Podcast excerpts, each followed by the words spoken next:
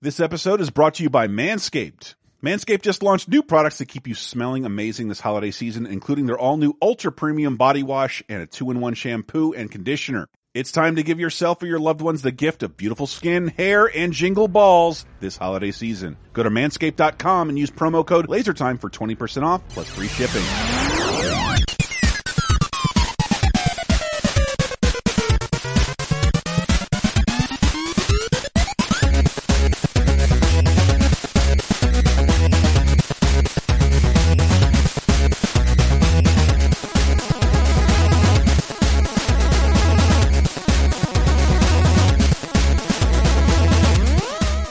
Gentlemen, get ready for a very Mondo special episode of Laser Time, uh, the internet's 17th leading pop culture podcast. It's been a minute, but there's been a whole lot of moving and shaking in the world of pop culture, so we had to piggyback on that kind of uh, that kind of hype, that kind of praise, that kind of controversy. And if you didn't know, Cowboy Bebop, I believe as it's pronounced, Yeah, Bebop. Uh, who, Uh, I, why, why? Just yeah, it's Cowboy a, Bebop. a normal name. It has a normal name. It's finally out. I know. Cowboy Bebop is out among the Netflix, the live action adaptation of the. I, one of the only animes, like I think is like I'm not as a non-anime fan. I think is like this is pretty cool. This is this will always be stylish and fun to watch.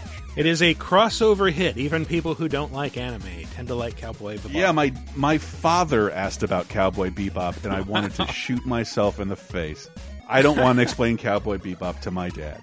But this week our topic is live action anime adaptations. A Yes. concept that also makes me want to blow my brains out.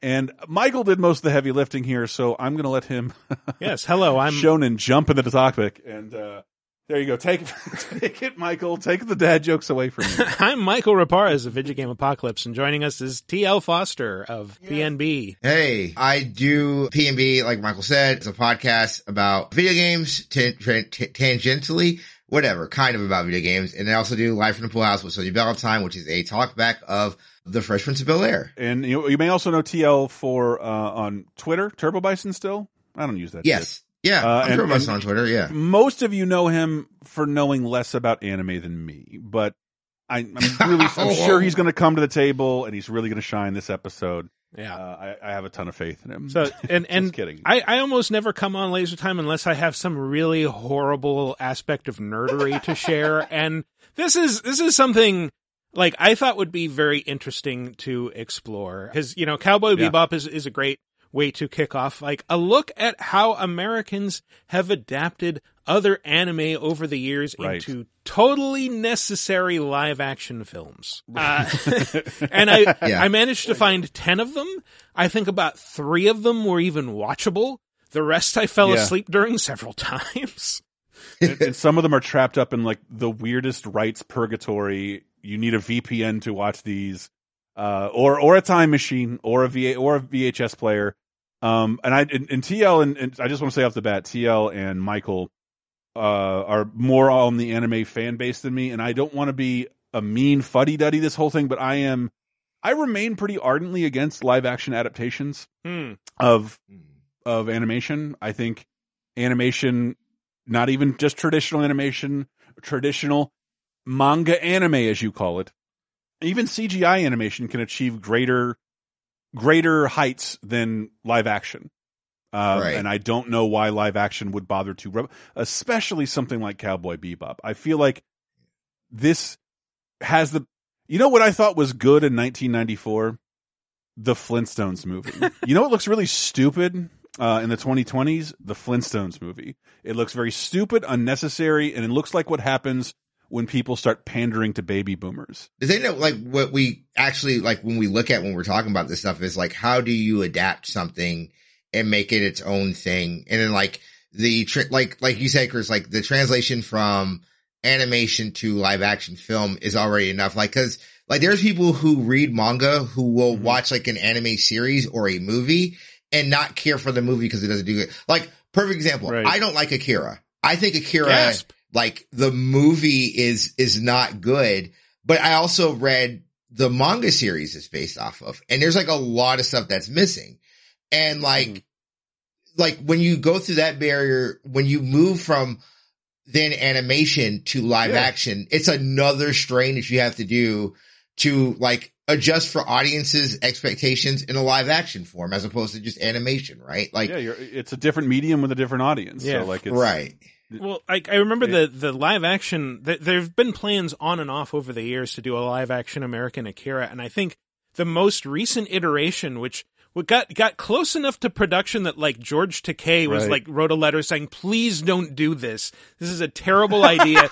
this is this is a story that is very important to the Japanese people." It speaks to certain anxieties about the atom bomb and the end of World War mm-hmm. II. And it was going to be like Keanu Reeves plays Kaneda, a Manhattan bar Yeah. owner whose brother Tetsuo gets into some trouble. Like, oh, who fucking wants to see her brother? his brother Tetsuo, played by Scarlett Johansson. Yeah, yeah, yeah. And, uh, well, I mean, at least Keanu is like Japanese, right? But Yeah. I, I, I do think Sorta. that like, but well, Takei uh, still like- said, "Please don't." Please yeah, but um, but like it's even sometimes it's even like kind of hurt the anime um uh scene because um the Wachowskis, the Wachowski sisters, for the longest time had the rights to the manga Parasyte, and they were going to make an American movie based off Parasyte, and they just never did. Like it just never got off the ground. But because of that, Japan could not make that series Right. an anime Mm. until like 2008, 2009. and, and and some of the rights here, if not for some of these being um, produced by streaming video services, might have a hard time surviving over the next couple of years, given how notoriously fickle Japan can be with the limited adaptation rights, even the Hollywood stuff. Man, I, oh, this is it's this depresses me to talk about, and it's not. I'm not. I'm not. I just want to say I'm not doing this episode even pretending to be anti-anime. I am anti I am anti lack of creativity. That's what I am. I don't need the same story told to me again with younger actors. I just don't. I I even I even hate those uh Evangelion movies. Like what is this Star Wars Oh, special okay, edition okay, bullshit? no, no, no. Why are that's, we doing that's, this? That's we we we can't. I 'cause know, I know. And I only watched I only watched the I, That's that's a whole. I only different watched the first one. It is. I only watched the first one and I was just like I'm not sitting through this anymore. yeah, the first one is basically that, and then it goes off in a new direction, which is. Yeah. Yeah, it's a Fine. completely Um, different story. Yeah. But I know, to, to but I'm just back to live establishing that I know more about anime than TL. Thank you. to pull it back to live action, I thought maybe we could talk a little bit about the Cowboy Bebop Netflix series before we jump into the the real meat of this, which is these ten movies that I suffered through for your entertainment. and So one of the, one of the two of these are worth watching. Two of these are I would, really I would good. say Maybe maybe three. three. Yeah. Okay. yeah. Um, but uh, so Cowboy Bebop, I've I've watched two episodes. I watched the first episode, then I watched the first episode of the anime, and then I watched uh the adaptation of my favorite episode, which is Pierrot Le Fou, which is like the weird, fat, beautifully animated flying clown that uh, beats the shit out of Spike. So are they, are they doing a one one Yes, episode? yeah. So but- there's six episodes. No, there's 10. But here's the thing. It's like it, it more or less follows the events of the anime, but because the episodes are around 50 minutes instead of 25 minutes, it pads Whoa. it out with a ton of backstory. There's a bunch of continuity because these are meant to be binged now. So it's like, oh, events of one episode Ooh. will lead into the next and they, they kind of have to be watched in a certain order. Mhm. There's a bunch of stuff like with the syndicate and Vicious is hunting down Spike that wasn't in the original. And and so yeah, somebody said like, oh, it's telling the same story in like twice the time in a less interesting way. Yeah. Um, Netflix, and I- ladies and gentlemen. I think I think if yeah, like inevitably, like this is an adaptation of a superior work, and it's going to be held up against it, and uh, it's going to be found lacking.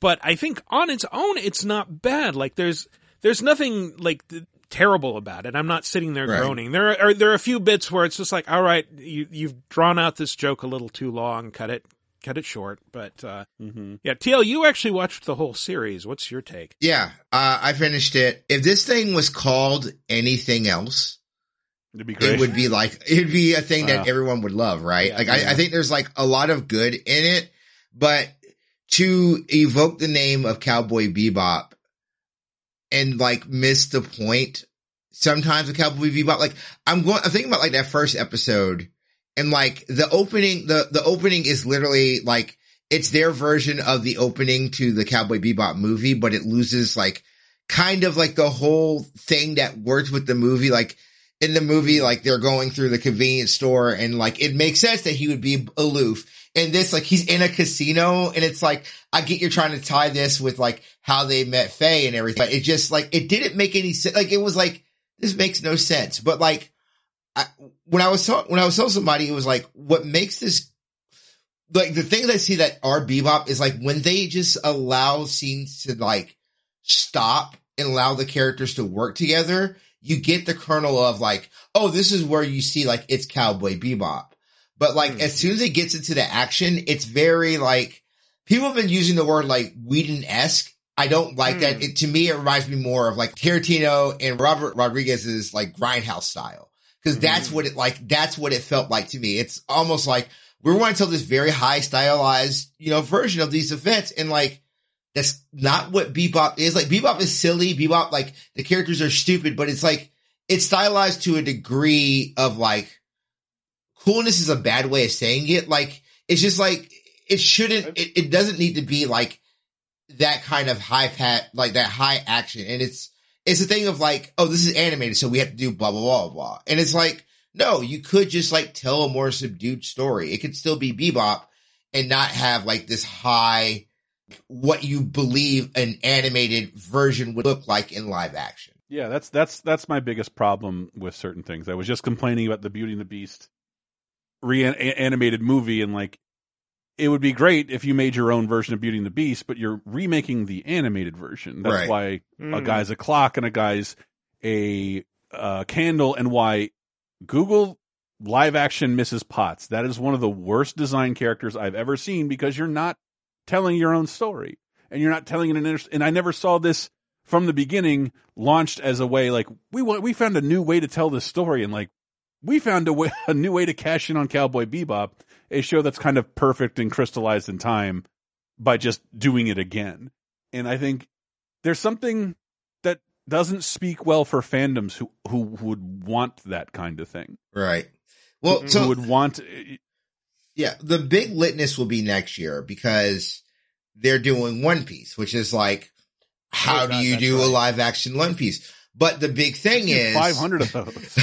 the big thing is it's like the actual writer, the creator of One Piece, Mhm. uh, Chido Oda is actually working on this with them. Like he very much like, cause he did a big deal with Netflix, like, uh, I think a year ago, cause Netflix was like, we want all of One Piece because why wouldn't you? It just like for news context, it just hit a thousand episodes, uh, this week, right? And so they're like, yeah, we, you know, like if, if you are gathering media, this is the media to gather.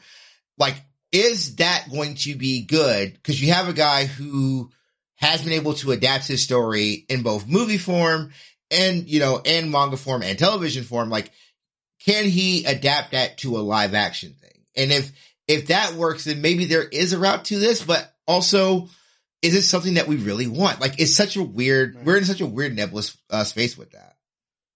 Yeah, what, what, what? Like, I would just. I love the idea of like I don't know who the writer or creator is of Cowboy Bebop. Hire that guy to make whatever he wants. Yeah. From the makers of Cowboy Bebop, you can use the logo and everything. Do that. Do not remake Cowboy. I, and again, I'm not. I'm not even like that big a fan of the show. Uh, where, where does the movie fit into the show? I think it's before the the final episode. Like yeah. it's it's just sort of like here's an interstitial story that goes in like before the end. Is that just like sewn into the the live action version? No, it, like I said, it was just like they borrowed, like I said, they borrowed the opening scene from the movie as the opening Mm. scene to the show. And then it goes into like, it literally goes, like Michael said, it goes into the first episode. Hmm. I don't know, man. Watch Trigun. Nothing else. No, I don't know. But uh, but They should make a live action version of that. Yeah, make a big O or get GTFO. Yeah. Um, the, mo- well, the main character in Trigun's already blonde. Like, why not? but you but you didn't you didn't dislike guy, the who show. cares? You didn't you didn't dislike the show, TL. I don't hate it. Like it's not, it's not bebop, but like, I mean, on this list that we're going to talk about, there are way worse offenders, right? So like, oh, yeah. I, I, including like one of the list that is a Netflix, uh, show, uh, Netflix movie that I Right. I actually like dislike a lot. Um, no, it's not terrible. I've also seen like because Japan is actually really bad about doing this, like the live action uh, adaptations, and like for the most part, they are really bad. Um, so like, like, I didn't I, didn't want to get into that. Like that that's Yeah. one thing that like when I first pitched this, I think uh our friend Matthew Allen was like saying, "Oh, how about the Phoenix Wright movie? How about this thing?" I was like, "I don't want to cover Japanese ones because that is a Yeah. huge field. A lot of these are inaccessible and a lot of them are terrible. It's like Yeah. just focus on the the really bad American like cultural appropriation ones." And I, yeah, I believe even like the the Ace Attorney movie, for instance, like came out and like went away so fast and became like completely unobtainable legally. right. Uh, and and and there's so many things like that. Go watch the Yakuza movie, Matt. It's not. I'm assuming there's one. Yeah, I'm also going to Um, say we're not going to talk about the Avatar movie because I don't consider it anime unless it comes from Japan. Thank you very much. Uh, that's It's my it's- nerd voice I- is not that different from my normal voice. It's it's also uh, Avatar being my favorite anime. We won't slander it on this program. Uh, also, it's called The Last Airbender. There is already an Avatar. Thank you. Yeah, yeah. Oh, and, right. and that movie is just god awful. I don't. It's one of the is worst already an. Avatar, and his name is James Cameron. um, but yeah, let's go take a tiny break right here. Uh, is it okay if I we play Hot Dad's uh Cowboy Bebop theme? Please, Yes. let's do. It's it's absolutely wonderful. Check out Hot Dad on uh, YouTube and Facebook. Uh, maybe give him some Patreon money. He makes great songs for us. Did the 30 2010 theme songs. Got some rad albums out. We're going to talk more about live action anime adaptations right after this. Cowboy Bebop, just clap your hands. Cowboy Bebop, it's a cosmic dance. Bounty hunters from 71. Face different space gates is how it's done. They're not gonna let you escape prosecution. Hitman hackers, dogs missing arms, con artists from the crew, yeah.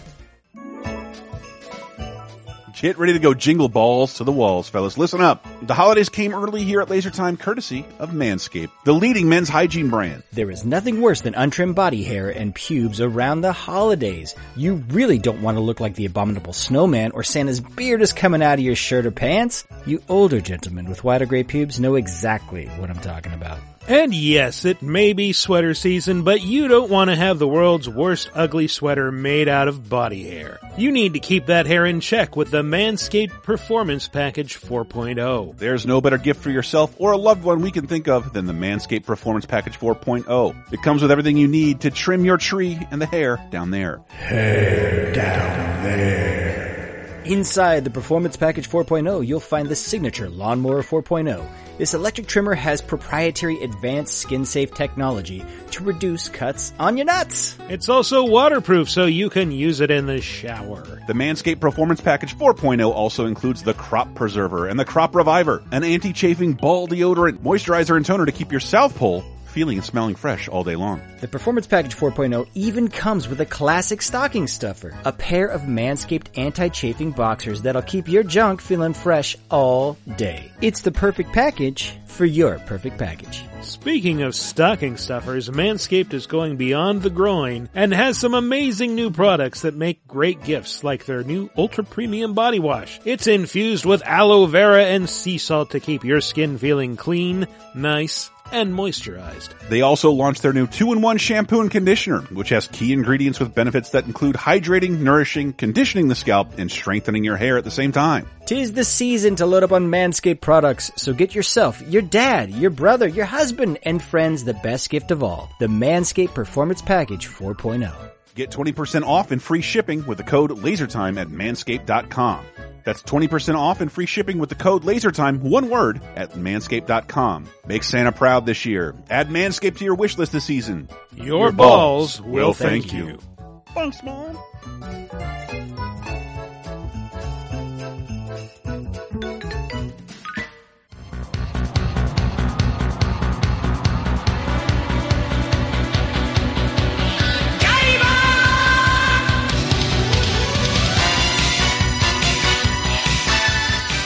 Coming back in with the Japanese Guyver theme, the Guyver theme. Yeah. Uh, So to talk more about live action anime adaptations. Well, it's a good place to kick off our talk. So I thought we could go chronologically. This will take us on an audio journey from 1991 to 2019. yeah. 1991 was the first time that I was aware of there being a movie based on an anime, and it was The Guyver.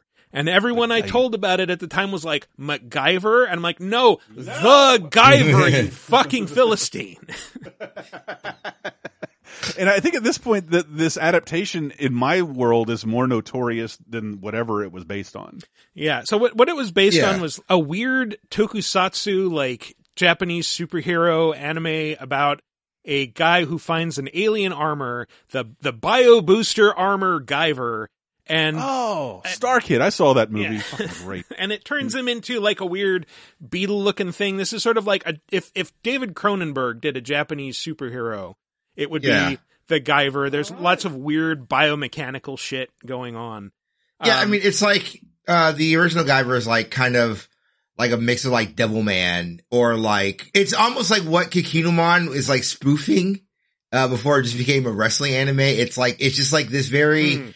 Serious, like, tokusatsu, yeah. the suit is, is me and I am the suit kind of, kind of thing that you're dealing with, right? Like Venom. Yeah, and he's pitted against the evil Kronos Corporation, which is secretly run by zoanoids who are humans who can turn into monsters and do nefarious shit, and they want to take over the world, yada, yada, yada. The movie was co-produced by Brian Usna, who's one of the producers of Reanimator, and it was kind of Ah. like like there's a special edition of the Blu-ray now that like pitches this as like it's a reanimator reunion because it gets a lot of people back from that Jeff movie. Combs. Yeah, Jeffrey Yeah. Combs is in it as Doctor Mm-hmm. East instead of I get it. Doctor West. hmm David Gale, who played Doctor Hill in that movie, is back as as Fulton Balcus, who's his original character. He's he's based on a character who was originally named Hamilcar Barcas, which seems like it's supposed to Hmm. be like Hannibal Barca. But obviously, you can't have Hamilcar. But he, In a movie with Mark Hamill in it. yeah, yeah. Oh, that's another thing that it, it gives Mark Hamill top billing. And like I hadn't really noticed before, but if you look at the image on the box, uh, like it, it has like a half and half thing with the Guyver mask and like a Yeah. human face. And the human face is Mark Hamill's, which is But he's total- not the Guyver. no, he's he's not the Guyver at all. He's he's a CIA agent named Max Reed who wears really high waisted like late eighties pants and just kind of like dirt bags around investigating domestic crimes. Like this isn't what the CIA does at all. Like his character could be cut from the movie and it would lose very little. And and he looks like Michael Biehn in the in the front of the box. Yeah, yeah, he, he does kind of give off a Michael Biehn vibe. Like, and this is very much during his like mediocre middle phase. Like, it's it's sort of like when Sean Connery was doing shit like Zardoz. Like, he hasn't quite hit his he he hit his stride early on, and now he's washed up, and he's gonna have a comeback, but that hasn't happened yet. He's gonna Hey. he's gonna appear in Wing Commander three. Yeah, look, we're we're what a year away from the Batman uh, Something show like that, hitting. yeah. Yeah. yeah. So Yeah, like two- his a year next yeah, summer. yeah, his money's coming. It, it's it's just right around the it's right around the corner. But the the real stars of this movie are the bad guys. Uh, you've got Michael Berryman, the guy from The Hills Have Eyes, as like the lead henchman recognizable. Lisker. Uh, you've got Jimmie J.J. Walker from Good Times as as as a fish monster named Striker, and uh, he he raps in this. Yeah, Yo, he does. mama, why you wanna be so crude? You must think of me as one rude dude. But you run with the sugar and spice, so why don't you just act real nice? Striker. Back to work. But we don't even know what that Gaba thing looks like. That's him talking to a female teammate, basically a rap telling her to smile more. Um, You know what? No one Uh, gets I no one he gets for the CIA politics. too. Knowing his politics, that makes sense. That no, makes I, sense. I, I don't, but that's too bad. Is, is JJ? Uh, never mind. I'm not. he dated Ann Coulter. What do you think? Oh, gross. what? yes, he dated Ann Coulter That's for so years. disappointing. Wow, I did not know that. dude. That who who has who is using the monkey paws to ship that couple? Why would anybody do that? Why, Why would anybody wish? Oh my god, that would never happen organically. Uh, he also gets the last line of the movie, which of course is dynamite. Um, before that, Wow. he, he also, like, one of my favorite scenes in this is they're trying to chase down the heroes and the heroes jump a fence and, uh, run away. And then he, like, just sprints after them, turns into his monster form, jumps the fence, and then this happens.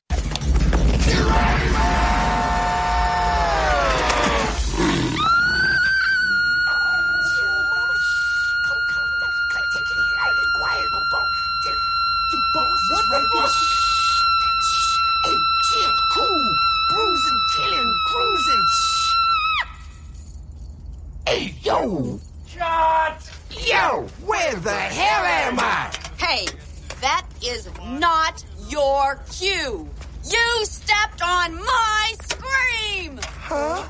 Haha, he jumped into a monster movie that they happened to be shooting in the middle of their chase. What the fuck? I, I've I've tried to. Uh, a bunch of us have tried to watch this movie when we're really drunk, and I have yet to get all the way through it. But it is pretty legendary as like one of the schlockiest schlock movies you can ever watch. Oh, It yeah, it's bad. is. I mean, It's it's, really bad, but, bad. but I think it's fun bad. Like, yeah, Yeah. I think it's it's one of the most watchable on this list. especially, yeah, after watching a bunch of these, this was one of the last ones that I watched and it's like, oh my god, this is already more fun than any of those. Holy Yeah, shit. If, I, if we were still in a world where this could air on TV, introduced by Rhonda Shear, Gilbert Gottfried, I'd watch it every weekend. I don't know. Every just- weekend. That last scene, it just sort of like, don't copy that floppy came into my head because like it, it reminds me of that sign. It's like, welcome to Video Doom at the end of it. Like it's just, I was like, oh, okay. It, we were, this was the early nineties. Might as well have been the eighties. I get it. Yeah. I understand. Wow. Absolutely. Oh my god. But but this is this is the story of so the original Guyver was about Sho Fukamachi who who finds this alien armor and battles monsters. This time around, it's a boring ass white guy Sean Barker, and they change his name, but uh, his girlfriend in the anime was Mizuki Segawa, and now she's just Mizuki Segawa. They just took out the U. Uh, like who the hell is named Mizuki? Mizuki. Mizuki. Uh, I thought it was Misty for the longest time. I was like, oh, Mizki. Who's named Misky? It sounds like a fake, like David Letterman late show intern or something. Yeah, Like that. yeah. Let me hear from Mizki. Uh, Um, going. but of course, you know, he, he finds this and doesn't know what it is until he suddenly gets, uh, jumped by some, like the whitest, most Canadian gang members you've ever seen. The bike don't want to start? hey, man, watch out. I'll help you with that. Come on, man, get away from my bike. Whoa! Cool, Chili Man. I'm just trying to help you out. Come on, man. I'm telling you to get away from me. I'm gonna have to really hurt you. Doing a kung fu pose. It's Kung Fu Man! hey! Hey, guys, look! It's Kung Fu Man! And it uh, it turns out that like one of the gang members is this guy who he was previously sparring with during his martial arts class, and who punched him because he wasn't paying enough attention. And uh, yeah, just whatever the hell this is. wait, wait, wait a minute. He doesn't scare me. I've seen him fight then. I, I love the final fight music. I was about to say. I was about to say, about to say I can't wait to play this scr- uh, side scrolling beat 'em up. Let's go. yeah, through Metro City. But don't copy that flop. I can't get that out of my head.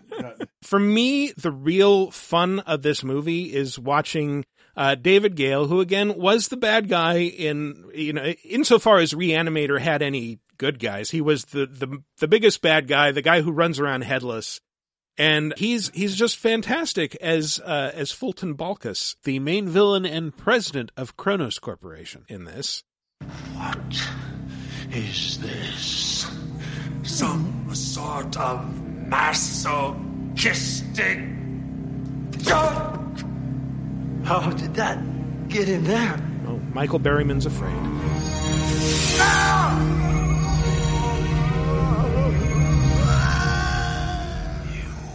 Idiot!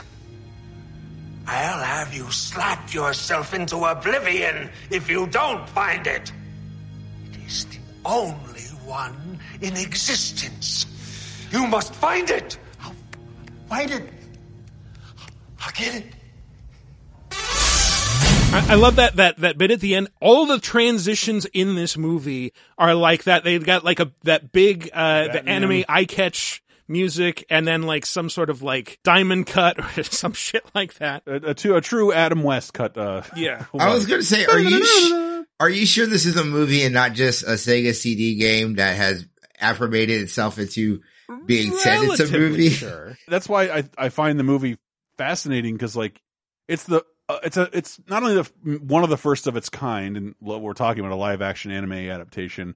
Uh, it's scrappy and low budget and doing the best that it can on a shoestring budget, and is it's doing almost exactly what those made for sci-fi movies would do today. Yeah. We got we got Jimmie J Walker. we got Mar- We got- we've got uh, Doctor West and we've got Luke Skywalker Mhm. in this adaptation of the popular the semi popular uh guy I've never heard of the Guyver outside Yeah. of this context Well, again. well, Yeah. also like 1991, like as as like a baby anime fan in junior high before there was an internet. Like this was before anime became like a mainstream thing. Like now, now it's at least you know perceived by the mainstream, if even if it's not quite mainstream. This this it wasn't even really perceived. Like the mainstream maybe knew like oh yeah like Robotech like that. yeah, Uh, Robotech like I knew from the video store Bubblegum Crisis. That was it. That was all that you could rent in the video Yeah, store. yeah. I, I saw uh Battle for the Planets on TV and of course my favorite anime Flying House and Superbook. Two very very Christian but very very made in Japan productions where the kids and robots travel back in time to meet Jesus. yeah. It exists. Please look it up. It's wonderful. Yeah, I would say So- like I would I would have like this was I'm so like I was way too young because like 91 I'm like what five maybe Mhm. uh you know or yeah I was five so like Mhm. I I had no idea what like the the only anime I saw was like the Adventures of Little Nemo right and Mm. like Right. because that's all TMS. And like, that's really about it. So like, yeah, going back and seeing Guyver is just, it's a weird thing, especially like, there's just so many other anime you could have done. And it's Yeah. just always weird that it's Guyver. It's like, you could have done something with like, Saint Seiya or at least anything that was like really popular at the time and just the I, I- I think a, a, a the, I don't know what would have been. There's one thing in this list that would have been at uh, popular enough at the time to merit a real big budget live ad- adaptation, but also like from what I understand, uh, Japanese companies have traditionally been pretty skittish about licensing out things like this. I don't think you could approach whatever was the most popular thing at the time. Was it like the original Dragon Ball? Was that out then? Oh no! So we're talking about Uh, ninety one. So Dragon Ball Z is actually Yeah. starting in ninety one, uh, and we're talking Yeah, about like, Japan. think- yeah, so I mean, Mm. I think if you would have approached anybody in Japan to license that, even if you worked for a major studio in America, you might have been laughed out of the building. Like, no, yeah, of course we're not going to do that. This is a, a giant cash cow for us. We wouldn't let you ruin it. And like, all right, bravo. So I mean, it would have been really interesting. It would have been really interesting because at that time in '91, and if you you would think like 1989 when they were working on it, you are actually Mhm. starting to see the bigger like this the next boom of animation because like in the 80s there's a Joel drum, but then Yes. like 84, 84 and 85 you get you know a show we get a show that we're going to talk about in a little bit. Um, you get Saint Seiya and you get Dragon Ball who all kind of change what animation is in Japan, especially serialized animation. Because like in 91, 92, you start getting, you know, you start getting, uh, Anno start working on, um, you know, started working on his stuff. You get, you know, Yu Yu Hakusho, like you started getting like the stuff that would eventually come over here and you get like the big OVA boom and stuff. But like that would have been like, if you were to get the rights for those, I think it would have made Mhm. sense at the time just because like the industry was getting into this next big boom. Yeah. Okay, and they were they were maybe more obtainable than they would be like three four years from Yes.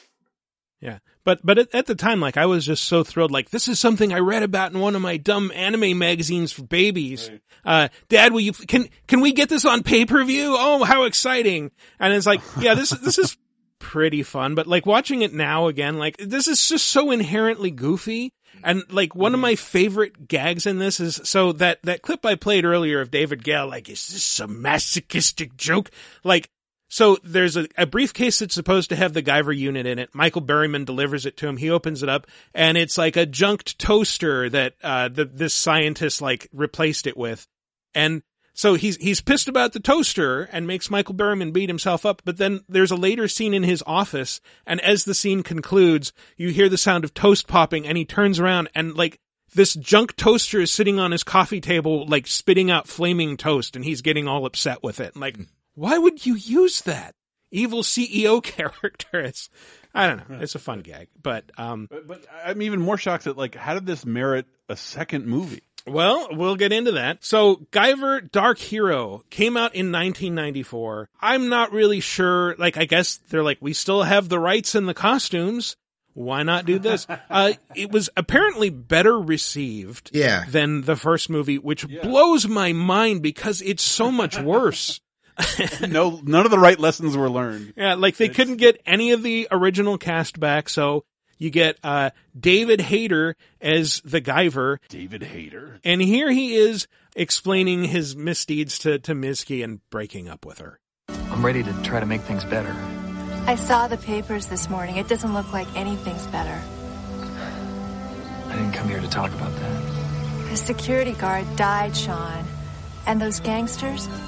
How many people are you going to have to kill before you realize? I don't kill. It kills. Yeah, sure. Uh, so the the first scene in this movie is probably the most fun one, and it's it's just like he's interrupting some gangsters who are doing a heist to get their own drug shipment, and he ends up killing all of them. And, It was the '90s. That's what gangsters did. Uh huh. Yeah, yeah, and they're they're very sort of like you know I just what what is their plan like? Ah, we we mix the the cocaine with plastic and then we melt it down and it's absolutely pure. It's like that sounds terrible. That sounds like a terrible way to taint your drug. Uh, so what, what, what about me, sir? I smoke my cocaine. And that sounds dangerous. Yeah. Um, but the, yeah, this is just them giving him someone to kill, and uh, that never comes up again because he he sees a, a report on TV about a werewolf, and so he fucks off to Utah where there's like an archaeological dig, and he just uh, crazy hobos his way into it, and it's just like, oh, but I'm some drifter in a camouflage vest. You have to let me come work on your dig, and they're like, okay, fine. And, uh, and it's just, yeah, it, it's, it's just an excuse to set up more fights with zoanoids. Like, it, this does take the material a bit more seriously. Like, Right. Uh, the first time you see a zoanoid, it's like he's smashing like half of a photographer's face off with like a huge blood spray. It's like, all right, so you're, you're trying to earn your R rating here. That's cool, I guess. Yeah, I was seeing that someone called this an R-rated episode of the Power Rangers. Yeah, yeah. Well, I mean, so the Oh, the director of it is a guy who directed a lot of episodes of the Power Rangers, a lot of like tokusatsu stuff that came out here, right? Like, really? uh, yeah, did like uh some direction. I believe like did a lot of direction on Power Rangers Lost Galaxy, which would be a series in like uh like four years, five years from from from this movie. Like it's so like you could definitely see that. I think like when we talk about these movies, there's a thing of like, how do you adapt and tell a story and like change it for the medium, like you said earlier, Chris? And like, I think what the biggest problem with this movie, other than like, you know, everything else, but the biggest problem with this movie is it really tried to be so much like the manga Hmm. and it just doesn't, it doesn't, it doesn't translate well. And like sometimes it, it, it just can't translate well. So like it, it just, that movie is just like not a huge fan. It is just, mm, Yeah. mm-mm. Well, Mm. like there there is a scene that stuck out to me where like so they they try to recreate a, a kill from like the opening credits of the the OVA whatever Guyver where like the Guyver shoots a couple beams out of his eyes and explodes the eyes of a zoanoid and then like reaches out and crushes its face in one hand. And so they, they replicate that. He, he does the eye thing, but then it's just sort of like they can't quite do the, the face crushing thing. So it just looks like he puts his hand on its face and then a bunch of blood sprays out. Like it's, eh, he didn't quite, didn't quite pull it off.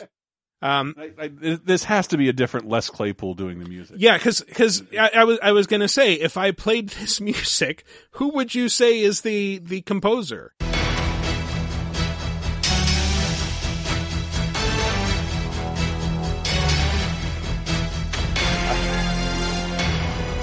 Like it sounds like know, the, a- Show Deadly Prey Orchestra. Yeah. It's it sounds like if you bought like a keyboard and it had just a button called Terminator, like that's what it would play. I can't. Yeah, Les Claypool the third. I don't know if that's different from Primus Les Claypool. I don't think it is. I think it might be. It's not in his filmography, and it's I, I again. I'm. It just seems odd for him to start scoring with this. Who would go to Les Claypool for this? Editor's note, Les Claypool III is in fact a different Les Claypool than Primus Les Claypool. You had to hear it from me, because this voice tells you I know more about anime than any of these jokers. The Guyver Part Two, the, Dark Hero. Yeah, Guyver, MacGyver, and and like the whole thing is is centered around like Sean doesn't like being the Guyver anymore because he can't control it, even though he seems to be able to control it much better. Like he just says Guyver and it pops out and gets all over him and then he, he fights a bunch. But, uh, like he's, you know, the, the Zoanoids who are, turn out to be like behind this archaeological dig. Uh, one of them tries to appeal to that to try and manipulate him. Look at me. I'm hideous. Do you think I want to be this way? A freak? That's why we're here. To take back our lives. Somewhere in this ship is the key to changing us back. Let's find it together. We can take the Guyver out of you. We can make you normal again. Isn't that what you want? I don't know. You're killers. And so are you. No. It's the one that kills, not me. Yeah, you keep saying that. you keep killing.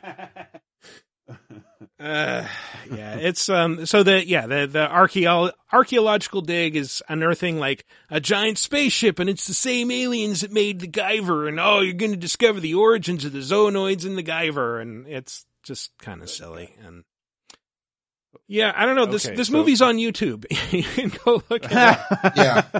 With the with the, the first one having a great Blu-ray, America and countries that aren't our own. hmm We, we can't pick this up. And, and weirdly, the next movie I saw Oh wow. bef- before any like my friends like were really getting into anime, and when they started talking about it, I'm like, what the fuck do you mean? None of that happened in that movie. Uh, very very confusing because I caught this. I taped this off of one of those late night HBO or Showtime pre previews. What's the next movie chronologically we're talking about? A live action anime adaptation. Fist You of the talking about North John Star. Cena's John Cena's favorite movie? What? What? That's not a joke. That's not a joke. Wait, John you- Cena loves this fucking movie. He loves specifically 1995's live action Fist of the North Star yes, with fucking Yes. Gary Daniels as Kenshiro. yes. Like so, like back when they used like so WWE because they rip everything off of pop culture. They do like did like a cribs and like at his house, like he has all the stuff. And they asked him, he's like, he's like, oh yeah, I you know, he's like. He's like, you know, yeah, he's like, he's like, yeah, I really like anime, blah, blah, blah. It's like, yeah, I love Fist of North Star. It's just all that movie, like in the nineties. And then, you know, it got me to go watch Fist of the North Star. Like, I love that. I love that movie. I love that series. It's really weird, man. The biggest action, one of the biggest action heroes loves this movie. Oh, I thought I no. Well, he likes the anime it's based on. no, he likes the movie. Wow. I, I I'm totally googling this and it says he likes this show, not the not. Okay. But- I will, I'll send it to you later. Yeah. But so so that this seems to be based on on like the anime movie that came out a few years previous. And that was my frame of reference, has been my frame of Hmm. reference for Fist of the North Star for a long time. And one of this movie's biggest sins, in my opinion, is that it takes one of the most iconic moves from that, which is Ken's, uh, I think it's translated as the hundred crack fist, something like that, and it makes it lame. So here, here's what it sounds like in like the anime movie as dubbed by Streamline, I think sometime in the late 80s. Here we go.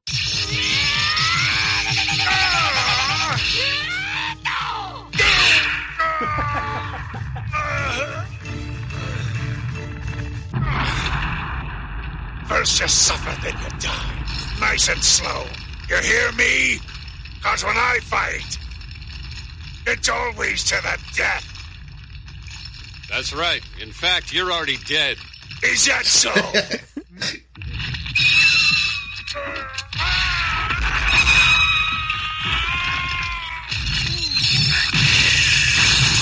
So he busts out a move, if you haven't seen this, that's basically he lands a hundred punches that move like faster than the eye can see and uh, touches nerve points that like, you know, after 10 seconds make the his opponent's head literally explode and get all bulbous and gross. And the the live action version, you would think to do something like that they might like you know, slow down the film while he's punching so that when they play it back at normal speed, it looks like he's moving super fast or something. no, he, he just sort of like does a bunch of like love pats very, very quickly. And, and here's, No. here's the clip.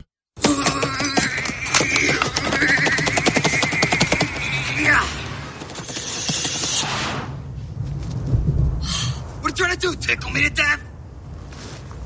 Don't turn your back on me! You're already dead.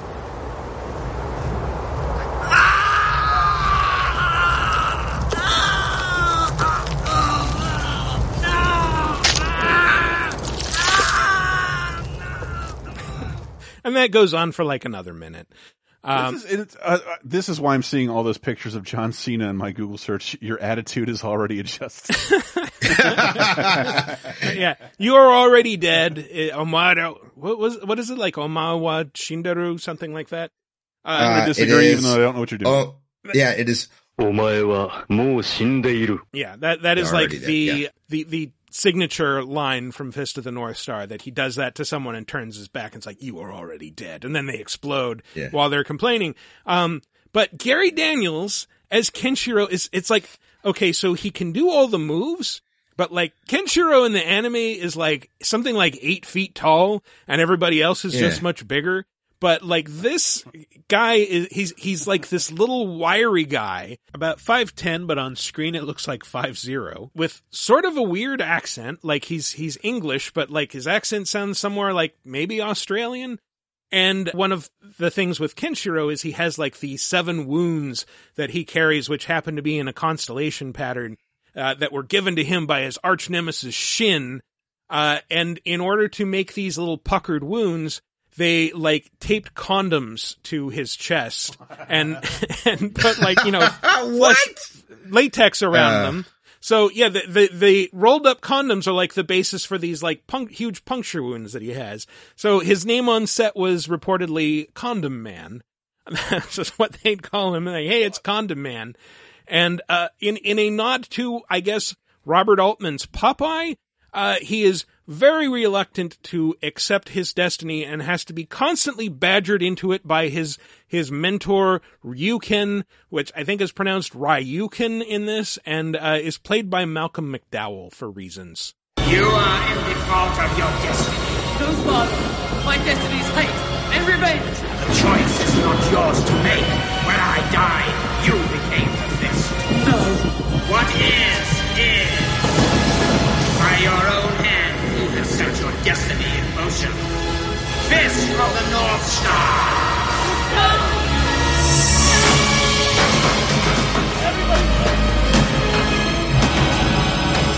So those bangs at the end are just him like punching some metal siding uh, in frustration. No, I don't want to be Fist of the North Star. and Malcolm McD- well, yeah, great, another uh, Wing Commander alum. is, yeah. is, is not, here. not exactly in the, the prime of his career there. It- It's so weird. I love that dude, but anytime you see him anything, you you technically should stay away unless you Mhm. like wonderful, beautiful garbage. Uh, also, Chris Penn. I- oh yeah, just- Chris Penn is Jackal, aka Jaggy from the anime. yeah, and Chris Penn. I, I was just like just looked him up real quick. I just wanted everyone out there to know. I am one year older than Chris Penn than he died. I cannot. Oh, believe- man. I, can't, I cannot believe I'm older than Chris Penn. Get that gun away from my dad. Was his name like Nice Guy Eddie in Reservoir Dogs? I Yeah, think? yeah. something like that. Nice yeah. guy Eddie, Bedbug Eddie. No, that's uh, fucking Popo Greenwich Village, but uh, Fist of the North Star. I just I, I forget where we were talking about it. I thought it was 30 2010, but I guess it can't be. That I eventually saw Fist of the North Star and is nothing like this movie at all. No. No. But it was at a time when you know the internet was in its infancy.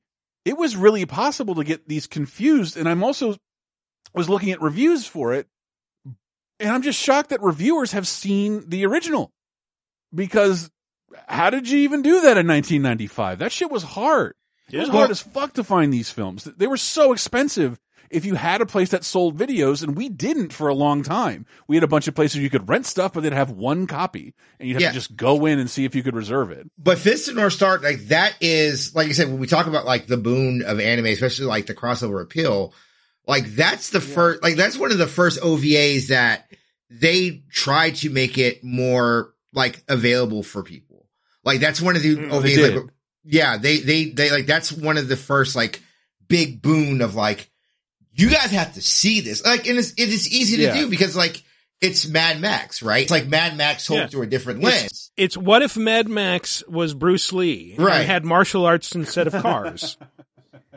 That's basically And- it. Yeah, pretty much like uh he walks around thinking he's the best fighter and guys pop out and like, "Man, you're not the best fighter." And he's like, "Come on, dude. Let's do this." Mhm. And fights happen over and over again. Yep. That's I that was my please feel free to quote my impression and review of Fist of the North Star to all your friends. Claim it as your own. But but I, I, you're right. I do remember. I think this had sort of permeated my friend group bef- slightly before DVD was a thing. Mm. People were finding this film, and at least I think kind of bootlegging it and, sp- and spreading it around. Because again, these things were fucking expensive.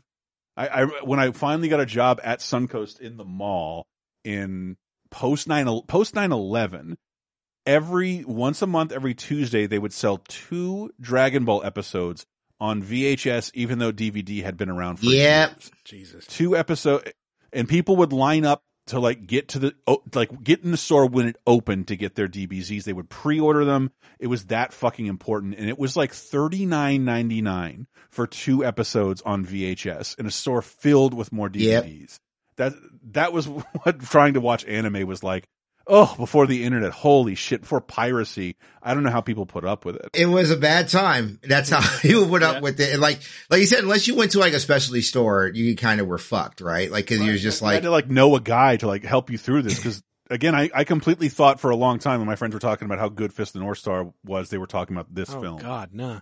This this had quite a cast though. Like in addition to Chris Penn and Malcolm McDowell, it had Melvin Van Peebles, Downtown Julie Brown, uh, Costas Clint Howard. Yeah, Clint Howard is in it as a guy just named Stalin. And he, he just like wears like a red army uniform and runs around like laughing and leering and shooting at people. It's got Leon Big Van Vader. Yeah. Um, probably th- at this point the most famous person in Japan in the movie. Mm. Uh, yeah, I mean, yeah, I mean, yeah, at this time, what, this is 90, 95. he's, he's, he's just now back in the States working Yeah, for he's- WWE, but He's like the most he- recognizable person in a Japanese audience in this film. yeah, between him and Stan Hansen, like literally they made a career of just beating the shit out of Japanese wrestlers to have them come back and beat them up more. Big Like, fat slovenly white guys beating up Japanese wrestlers. It was oh, it was so lucrative a career. Yeah, man, this shit is nuts. Yeah. The- and This is really And like, I, and I don't understand like how you can take something like Fist of the North Star and turn it into something that's like, this is just kind of boring and dreary and ugly and cheap. Like, and, and you Mm. can, you can have like, you know, cheap and ugly, but like, don't make it boring, make it fun. How, how hard is that? Like, it's, it's about a, a guy, a post-apocalyptic ranger who punches people to death. Come on, have some fun with that. it, it's like it's, I said, oh, Oh, the perfect video go ahead, game. Chris. It was just the perfect it's a video perf- game. Guy walks into Yeah. a different environment, gets in a new elaborate fight. hmm Yeah. Yeah. And, and speaking of uh, 90s movies about anime starring unstoppable badasses, uh, this same year, 1995, also saw the release of Crying Freeman, which I did not know existed. So, uh, stars Mark Dacascos, who, or Dacascos, uh, he's, he was in like, I think he was Jimmy Lee in the Double Dragon movie. That's when he first pinged my radar. He's been in a The- bunch of other stuff. The ultimate anime movie. yeah, he he uh what was he, he was in I think John Wick 3, whatever the latest one was. Like very briefly, he doesn't talk. He's like a bald guy who shows up and like he has some mutual respect thing with Keanu going on. Um, yeah, that Double Dragon movie really does harken back to a time when white people were unstoppable. but well, like he's he's not white, and like, he's he's like of mixed descent, and there's a lot of Asian Yeah. Filipino in there. And this is one thing that I like about this. So, uh, in in previous ones, Guyver, Fist of the North Star, we've seen like this trope of like the main character is a white dude, but the love interest is an Asian woman, uh, often with an accent. This time around, Mark Dacascos, uh, his love interest is is a white lady played by Julie Condra, who he is now married to. They got married like three years after Crying Freeman came out. Uh, this was directed by Christoph Gans, who went on along with Dacascos to make Brotherhood of the Wolf, and uh, without Dacascos made the first Silent Hill movie. Silent Hill movie, Yeah. which is like one of the least bad video game adaptations I've ever seen. Yeah, yeah, it's it's right But up there. Also pretty bad. This this one's really bad. though. it's like I can't believe this is the same director who made two marginally entertaining movies. Is this again? It does what Cowboy Bebop does, and that like so. I watched the first episode of the Crying Freeman anime, and this more or mm-hmm. less adapts the same story again in about mm-hmm. twice the time. The The anime episode is fifty minutes. This is like one hundred and ten minutes, um, and it's uh yeah, just very slow and dreamlike. And the main character is uh, arguably uh, Julie Condra. She does most of the talking, uh, and her her character is being targeted by the Freeman. And I'll just let her explain. Today is my birthday. And for the first time in 20 years, I am not alone. You see, I met someone. A man. A killer. And soon he will kill me. So the whole thing here is that she she's an artist who witnesses the Freeman murdering like a yakuza boss's son, and because she saw his face, like he he's he's like this this brainwashed assassin for this Chinese warrior cult, and or crime syndicate depending on the version, and uh, so he he's like part of his code is that if anyone sees his face while he's committing uh, a crime, he has to kill them. And so, like, he's obligated to kill her now, but instead they become obsessed with each other and fall in love. Yes. Yes. yes. he's he's uh, just like the transporter. I'm a man of many rules. I'm going to tell you 10 minutes about how my rule follow and then break all of them. Break all of them for one time. And so there, there's a reason I've been referring to Julie Condra by her actress's name instead of by the, the character's name. So the character in the original Japanese version is named Emu Hino. And they decided, okay, let's change Hino to O'Hara. That's They're the nice problem. Irish. the, and, and we'll leave her first name is Emu and people will just pronounce it as emu, like the bird. so, but it's like, her name is Emu? Come on. Emu. Uh, oh, Emu O'Hara. We yeah. gotta see. Emu O'Hara. She's dubbed over by Deborah Kara Unger, who also played Dahlia Gillespie in Silent Hill, and Tchéky Karyo is in it as a detective who's dubbed over by Ron Perlman, which kind of explains why he and Rae Dawn Chong in this one scene cannot seem to agree on the correct pronunciation of O'Hara. So, Hara, You better have an official warrant if you intend to come into my house. Some people don't need a warrant, do they, Miss O'Hara? They get an invitation. Miss O'Hara, we don't want to disturb you, but if you would like, we can check out the house to make sure it's safe. No.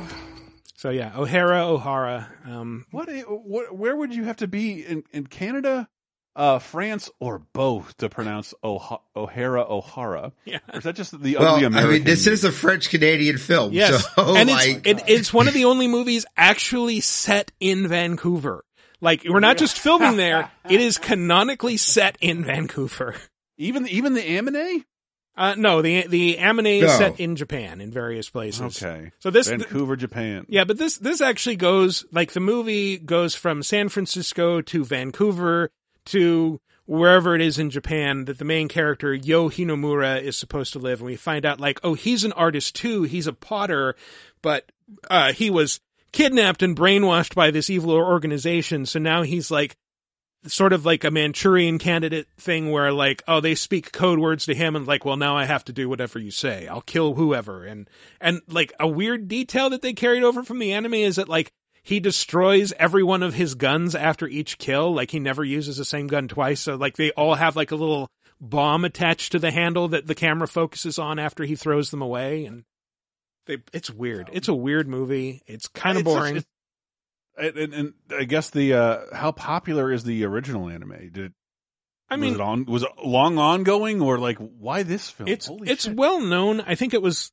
it was less popular maybe in the 90s because it's it's very like it gives off this air of like trying to be very seriously adult like all the art is like not in typical anime style it's more realistically drawn and it, it's it's like a crime drama with this weird supernatural element of an, an unstoppable brainwashed killer um Yeah, it's it's like a later anime, right? Like it's one, like you said, Michael, like because I believe this, like the original like manga run is like eighty, like eighty six to eighty eight or whatever. Sure. So like it's a it's a little bit of like yeah, it's a little bit like an older stuff, but like like you said, it's just I don't know. It's one of the things like I've never heard of Crying Freeman, right. but like there's like a lot of like seinen titles, which are like the older stuff that's not like serialized, like stuff that was serialized in Jump. It kind of gets remembered more because it's for little kids and then kids grow up nostalgia, right? Mhm. Uh, but Crying Freeman is more of like of a seinen title that I, I never really heard of until like you, like you sent me this list. That was like, huh. Oh, wow. But like I- I think- you could see, you could see where it like feeds into other stuff. yeah That's I think that's a great segue into chronologically the next film. Well, Michael well, chose. hang on. I, I want to say one thing since you're talking about that. An interesting detail about this is that even though the movie was made in 1995 and advertised in the U.S., it was not actually officially available in the U.S. until 2018 when it came to Oh Amazon Video, where you cannot watch it now. Is this is this is this something that just the French were delighted to adapt? Oh my god! I guess. I, I it's a it's a very strange movie. Clearly not for everybody. But yeah, let's let's move it along. So there was a more like a 13 year old drought. Uh, of, of live action anime adaptations, like 13 long years, you're like, why is nobody adapting Evangelion into a movie? Uh, we got, we got Speed Racer in 2008. Yeah, and then and TL made me think of that because just a minor brief look at Speed Racer, the cartoon show, that was sort of like maybe my parents' nostalgia. It's a show from the '60s, right? Yes. That was adapted and syndicated to a bunch of local TV network stations uh, throughout America and North America. Uh, became famous, and then I I remember I saw it on like you know like 2 p.m. on like one of my local what would eventually become a UPN affiliate. But then MTV started airing them in the early 90s uncensored. Mm. And I realized I'd never seen this uncensored. So like it, it's what made me watch MTV, not music or videos. Watching Speed Racer uncensored because there is a lot of death. Oh in yeah. Speed Yeah. Racer. He shoots a lot a of ton guns. of people die. He shoots a lot of guns and like like ah, I gotta get around this guy. And he's like, well, I might as well shove him off a five thousand foot cliff. Yeah. And and that is that is preserved in the movie except that they do like the GI Joe thing where like oh anytime anyone is about to have a crash like their cockpit fills up with like ballistic gel and they eject and yeah it's like the, everybody's safe everybody parachutes out at the last second it's fine. Speed is ruthless, and it's one of the. It's might be the only anime series I have the complete box set of, and I find. And what I love about this movie is that I find. I forget why I was trying to do it. I was trying to get really high and sit in a, a, a spa all day, a Japanese spa, because uh, in San Francisco because my back was hurting and I didn't have health insurance. Um, so I put I'm like I'm gonna watch Speed Racer all day, and I'm like, this is too stupid and slow to be possible. it, your, it- your memories of Speed Racer are better than Speed Racer the show. It is a very old show that moves very little. Mhm. Uh, but this movie is like an authentic culmination of your memories of Speed Racer. Yeah. And one Yeah. thing, like, I was, I was kind of ready to write it off and I suddenly had this moment of epiphany. It's like, oh, this is stupid, but it's stupid in the exact way that the cartoon Yes. would have been. So it is actually a Yes. very faithful and fun adaptation. Watching John Goodman bark out Pop's orders. Yeah. You never want to take this seriously, son. Like, I can't believe this is happening. Yeah. I can't believe it. Yeah, The Wachowskis got this show on a level I don't think studio executives were, uh, ready to handle. Mm-hmm. Right. These, these were the best people to make this movie, but not the movie you wanted. Right. Yeah, And- I really maybe not- wish, I really wish they would have got a chance to do uh, Parasite because they had they had you know they had pushed that for years, and we've seen like what the Wachowski sisters have done with like The Matrix, and then with this movie, and I think they would have done a really good job with Parasite. But like this is, I love Speed Racer 2008. I, I think that movie Mm, is too. great. It it's I think it does everything that you want an adap- adaptation it to do, which is like like you say, Chris, like understand the spirit and the intention of the work, mm-hmm. but being able to tell your own story. Like it Yeah. feels like a movie from 2008, but it does feel like Speed Racer at the same time. And it feels like an insane movie from Yeah. 2000. And and most of it sounds like this. As they head out of the city and into the Zanubian desert, the team leading the pack is Snake Oiler. Let's pinch these turds off.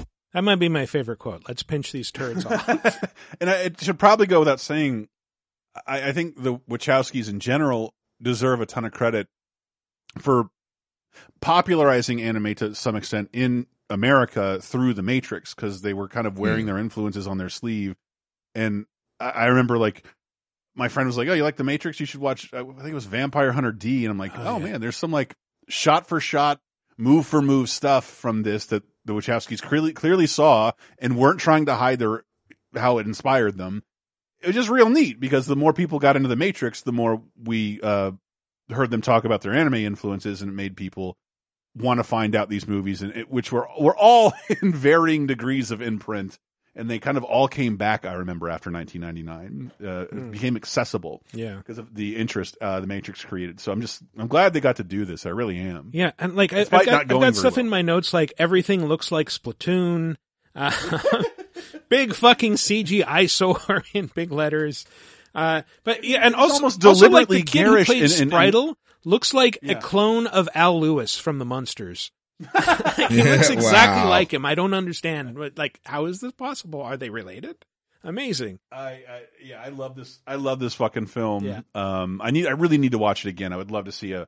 I've actually never seen it um in high definition. I, I also Yeah. appreciate the real villain is capitalism. You fi- he finds Yeah. out that like there's an evil cabal of capitalists that have been conspiring for like a hundred years to fix all the races. And when his uh, his would be benefactor tells him about this, it's just like it's a real great mask off moment. You don't know how many times I've seen that same cow-eyed, say-it-isn't-so look of disbelief. Every bumpkin who comes in with the sticks looks exactly as you do now. I won't bother proving it to you. You walk away from me, you walk away from this deal, you'll know how true it is soon enough. So last chance! You ready to put away your toys and grow up? Are you ready to make more money in one year than your father made in his whole life? Are you ready to become a real race car driver? Then sign that contract! And agree to throw the race for me. England prevails. Yes. And uh, same guy. Uh, but but yes, uh, you mean to tell me someone tried to profit off of race? no, it's impossible to believe. Uh, no. yeah. All those cars seem so organically built with those fun words on them. hmm I, I I also just love, yeah, again, I, exactly as stupid as the cartoon. You've got Inspector Detector, which is handled with zero irony. It's like, oh, Inspector Detector, it's you. Uh, we we won't make a joke about this name. Um, like they they try to like hire some racing teams to take out Speed Racer during this desert race, and one of them is just like this trio of Vikings who just like sit around this this like medieval tavern that has a big neon sign for grog on the wall, like eating turkey legs, and they just bribe them with some like fine furs. Like, what the fuck is this movie?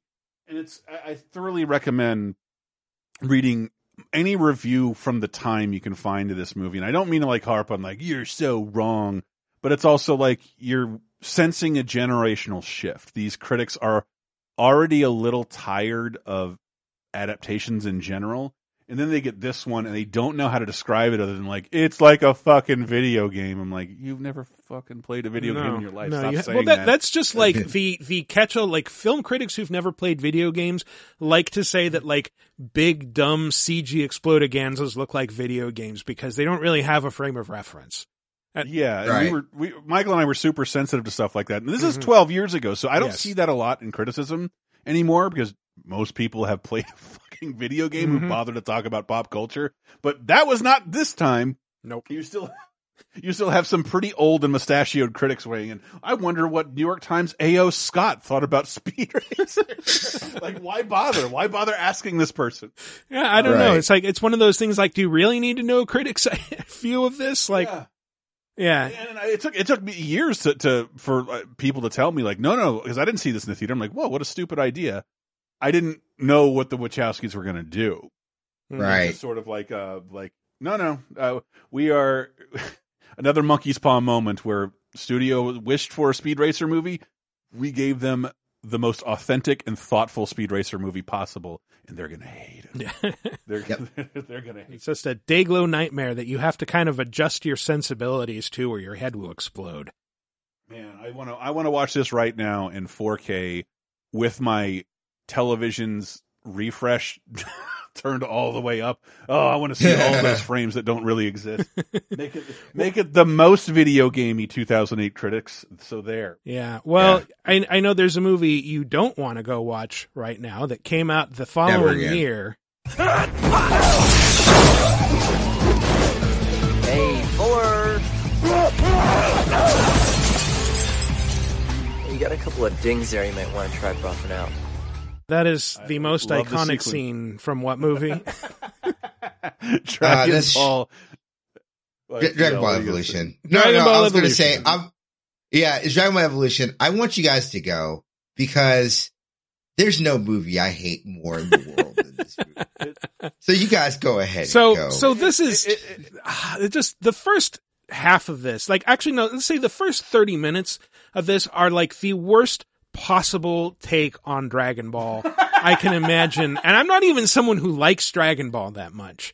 Uh but It- and, and I, I was one, but I've just seen a bunch of Dragon Ball. Yeah. I always say, as much as I may slander anime, like when we got broadband, we watched DBZ episodes every, like every day. That's what Mhm. we did. That's what we got it Yeah. for. So, so like, let's take this story that's basically like, you know, Superman crossed with, uh, Journey to the West, the Monkey King, and, uh, let's make it an American movie. What's the first thing we do? Ah, we make Goku a skinny white kid and we make him, like, uh, have to deal with high school bullies. Everybody at school treats me like I'm nothing, Grandpa. You're special, Goku. No, I'm different. I know that, and they know that too. They push me so far that I want to explode. You know, I could tear them apart with one hand. I don't train you to fight boys, Goku. You promised. Okay, you made me promise not to fight. Then teach me something I can use. Teach me, teach me how to get the girl. Creep!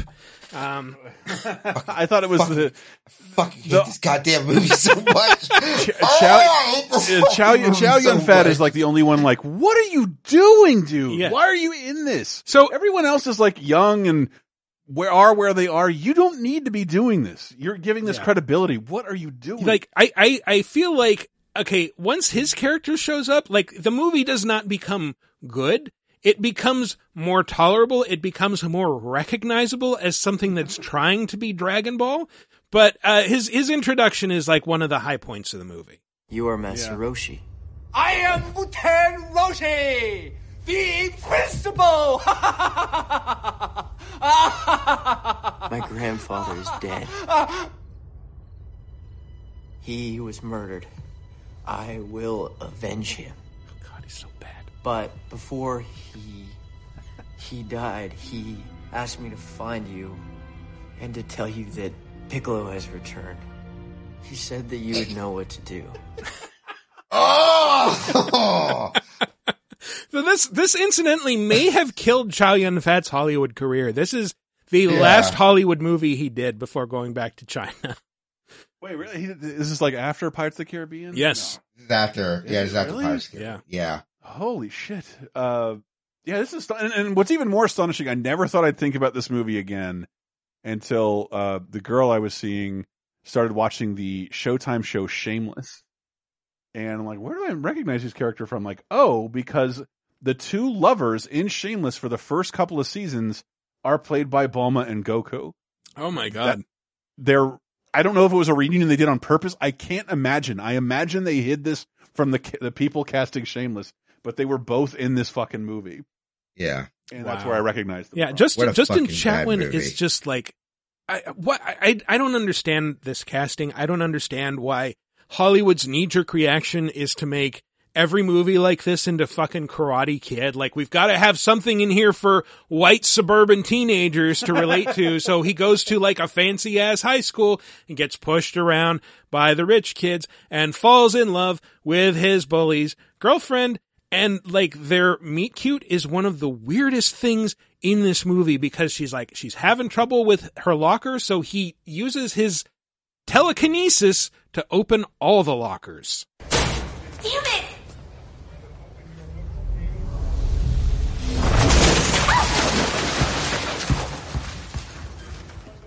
Hey, Goku, right? Did you do that? Uh, yeah. Use your key. Wait, you know about Key? Just because my name is Chi Chi doesn't make me a complete idiot. Right. Right, because there's a lot What of does that fucking Chi-Chi. mean? I'm not saying that Chi Chi's a stupid name. I'm just saying that it's not normal. Uh, but n- normal is overrated. I'm not saying that you're stupid or overrated. I'm just. I'm gonna stop now. Hey, I'm having a party tonight at my house. I'll be there. This interaction would never happen. First off, not did you see that? Did you do that? She just assumes that the creepy nerd watching from a distance made all the lockers open with his mind. Cause this is a thing that happens in this world, I guess. Uh, yeah. And like, yeah, you introduce Bulma and the movie gets a bit sillier and she meets Yamcha and it's like, okay, they clearly have something going on there. And, uh, yeah, it's, it's just, it's, it's a very silly movie. I found out it was produced by Stephen Chow, which sort of makes sense in retrospect. It's like, this, Yeah. this kind of has Okay, his okay. energy a bit.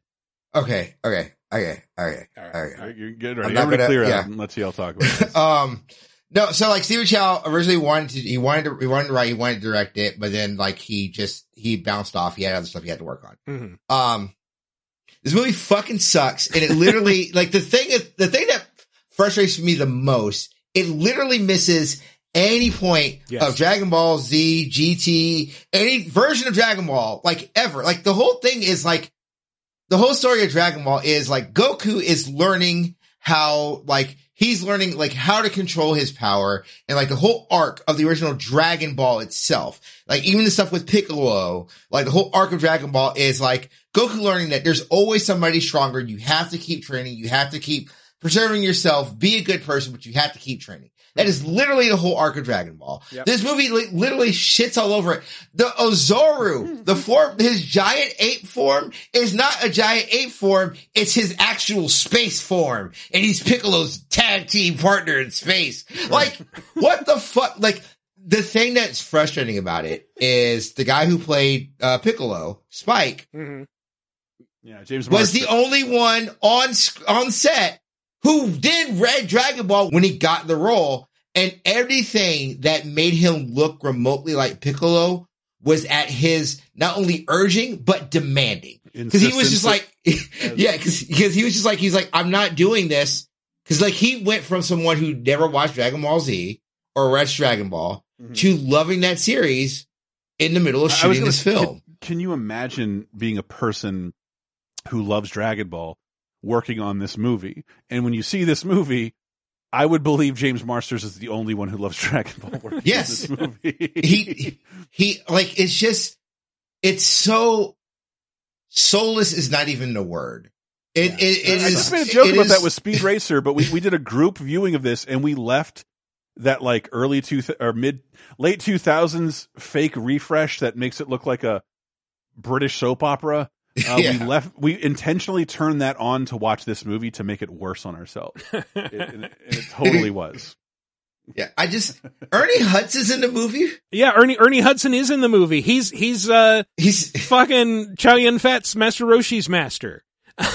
and he, Yeah. he's like some some Which- old weird Buddhist guy. Like, okay, okay, Yeah, That- which that's weird. Which is like Master Shen is like a character that like again like stuff that just Master Shen is a character who dies per, like trapping Piccolo. Why would he still be alive? What is this Kamehameha wave? Is just actually a fart wave that can blow out Yeah, candles. it's Isn't it's that a cute- airbending. Like cute scene? why the that's another serious thing. Why are you talking about airbending? Uh, if, to to make the Kamehameha and and yeah, they they never do explain, do they? Like, how does Piccolo escape? Like, oh, he's been sealed up for a thousand years. Now he's just out and doing bad things. We don't really talk about this. Um, I guess who cares? But Yeah, it it fuck like my friend warned me. He warned me about watching it, and I saw it opening day. Uh, I got really drunk before I came in, before I went and watched it, and uh, I remember I remember telling like some joke, and this lady turned around, looked at me, she's like. Come on, people are watching, like, people are trying to watch the movie. are and you, just though? like, incredulously, incredulously, I was just like, this movie? This is the one. Yeah. This movie. This is the one you feel precious about. you don't want people to spoil.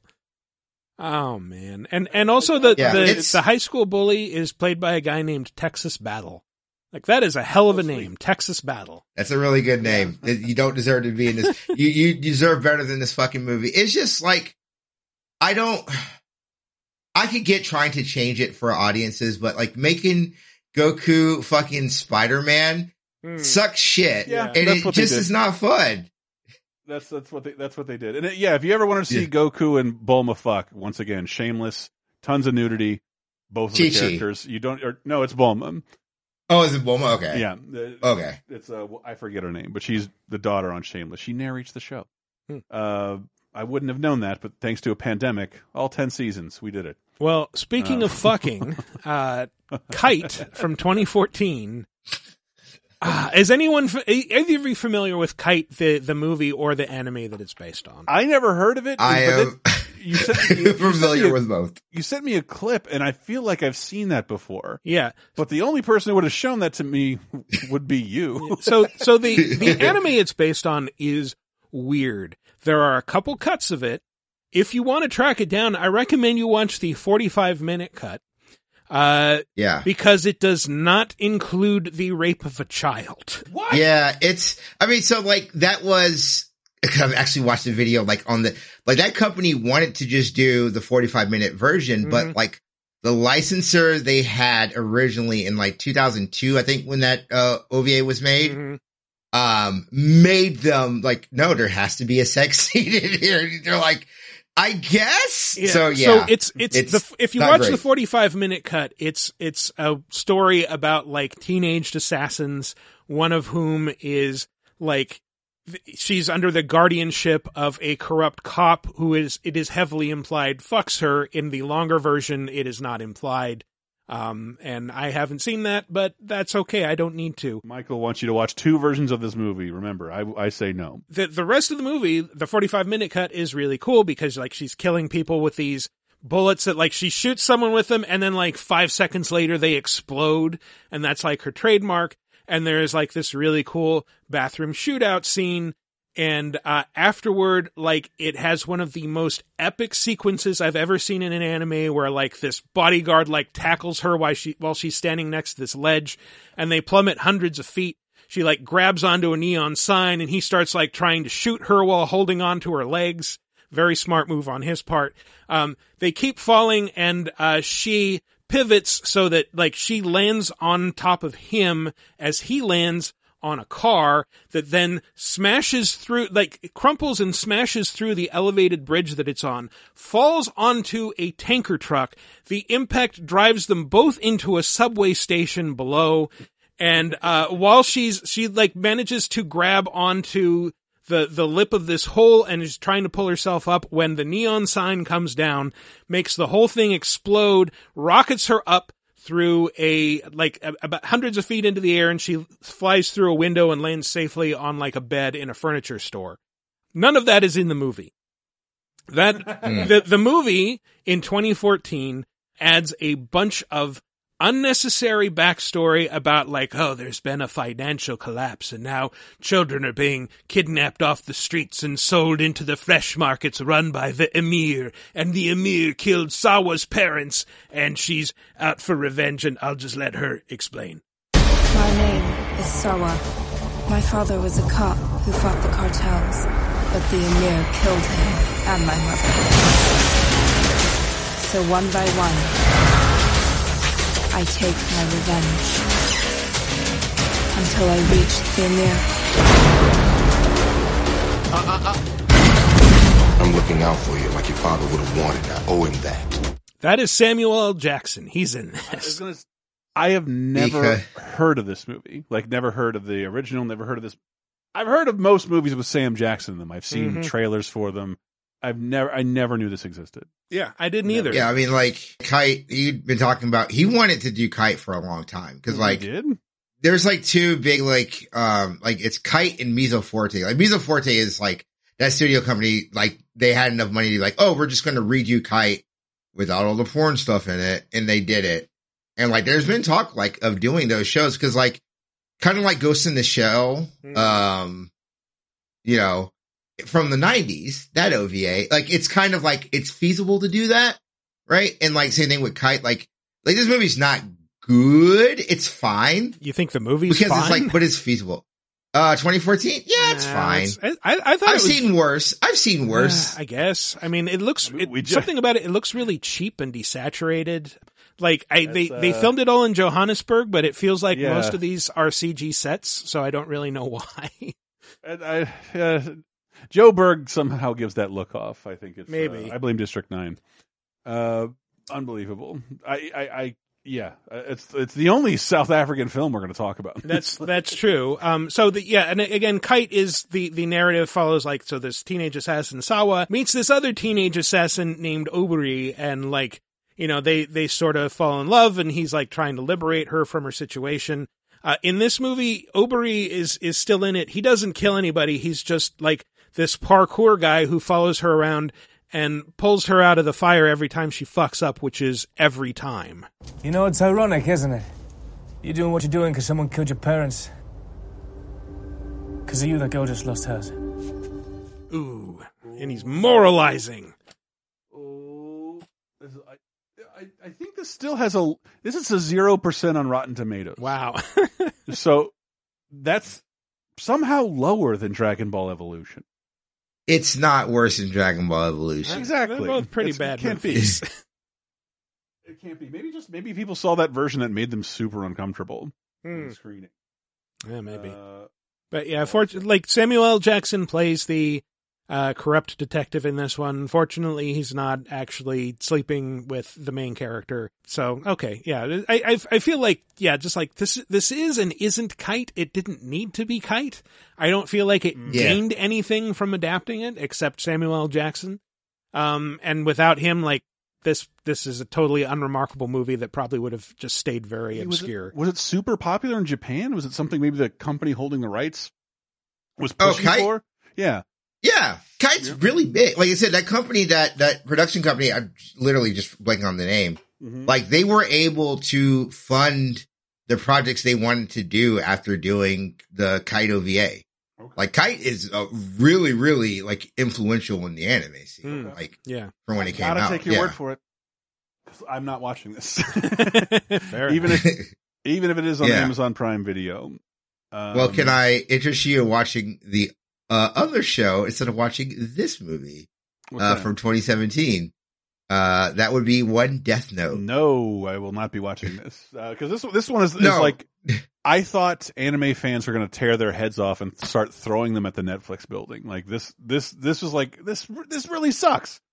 Yeah, Death Note's bad. Death came- Note is like we talked about like characterization of so like this is Death Note, which is Yeah. based off of a 2000 and I think that I think it started serializing in 2003, the manga, and then the anime is like 2006, right? So this is like kind of contemporary. This is like a thing that I grew up on from both ends of it, right? And we talk about like the characterization of Goku in Dragon Ball Evolution, and they do the same thing to Light Yeah. who is like this genius who like overcomes everything because he's hubris is like, oh, I'm just so much smarter than everybody, Mhm. and make him a whiny teenager. Yeah. Like it's oh. And and not only that, again, a whiny teenager who has to deal with bullies. And it's when he sees his bullies picking on the hot popular girl that he he has the hots for, which is by the way a completely believable scenario. Like you can totally imagine like a, a couple of teenage thugs like, "Hey, a cute girl, let's push her around and take her book bag and shit." Like, what? Um, but but it's during this that he uh, ends up meeting Ryuk, who, by the way, like this demon that's attached to the Death Note, a book that like will kill people if you write their name in it. Uh, he's played by Willem Dafoe, which is some great fucking casting. IMO. Relax. Yeah. man. Yeah, it is. You're asleep. You're asleep and you're dreaming of some eight foot tall demon looking motherfucker. Oh, yes. A dream. I like that. Dreams are places you can have fun, right? It's all in your mind, so why not enjoy it? So yeah, he says like, oh, as long as you're dreaming, why not write the bullies' names in this book and now write how they're gonna die? Okay, now it's gonna get a really gruesome sequence. I am now learning what Death Note is about. Thank you guys so much. so when you just pose that to like the opening of the of Death Note, where when Light gets the book, because like the Shinigami, the Shinigami literally Ryuk just drops it because he's bored, and Light picks it up. Light goes this whole thing of like, all right, well, let me, I'm going to read these rules. It's all in English, but you know, I know mm-hmm. English. Let me read these rules. All right. I'm going to test every part of this as I go through. And like the first episode it's him taking his time and basically running like these theories of how this book works.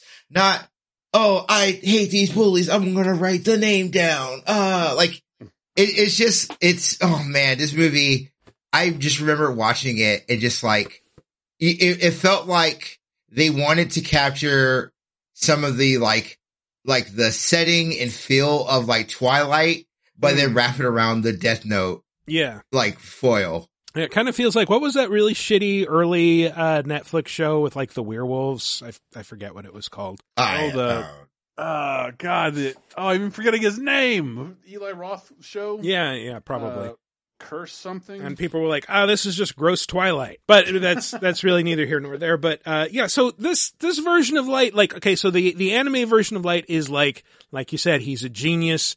He excels at everything. He's got a gigantic ego, and he goes to absurd lengths to not get caught.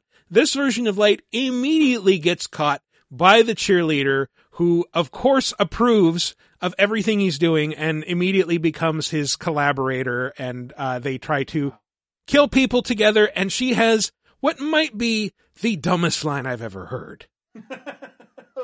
Please, Light, you have to forgive me. my dad, Mia. If I could take it back, I would. I promise. I was just, I was scared. Okay? You think I'm not scared? I'm a fucking cheerleader, Light. Nothing I do has ever mattered until I met you. Ah, the 15 words every nerd wants to hear. I'm a like- fucking cheerleader. Nothing I do has ever mattered until I met you. Well, is, Yeah. is, is this we we've been avoiding like some of the term vulgar vulgar cultural appro- appropriation this entire show. But is that what this is? Like maybe Netflix wanted a name that was important with anime, but didn't itself believe this was fundamentally appealing to a Western audience, and just ruined it for itself. yeah, I mean, it's like the the. I think that that's probably what it is. It's just like some of the changes just doesn't make any sense. Like the whole thing about light is light is literally supposed. It's like is Patrick Bateman, right? From Mm, fucking yes. uh, you know, American Psycho. Like because he's literally he's smarter than everybody. He's very attractive. Like women fall like this whole thing. Like the reason why he has Misa Misa, who Mia is obviously the analog for, like he has her is because he's this charming, attractive guy who can like who plays that plays on like on women's like vulnerability to him. Mm-hmm. And like to change that to be like this kid, oh, I'm so obsessed with you. Oh, why would you do that to my father? When like if you're if we're doing like light to light comparison, light in the original like show would absolutely kill his father if that meant he got away with it. Yeah. He doesn't And- and want they to, but he need to- would. they need to create this character as a Harry Potter analog. Ah, it's just Right. me against the world. I have so much going going adversely for me. Got to be great if I could just be a hero.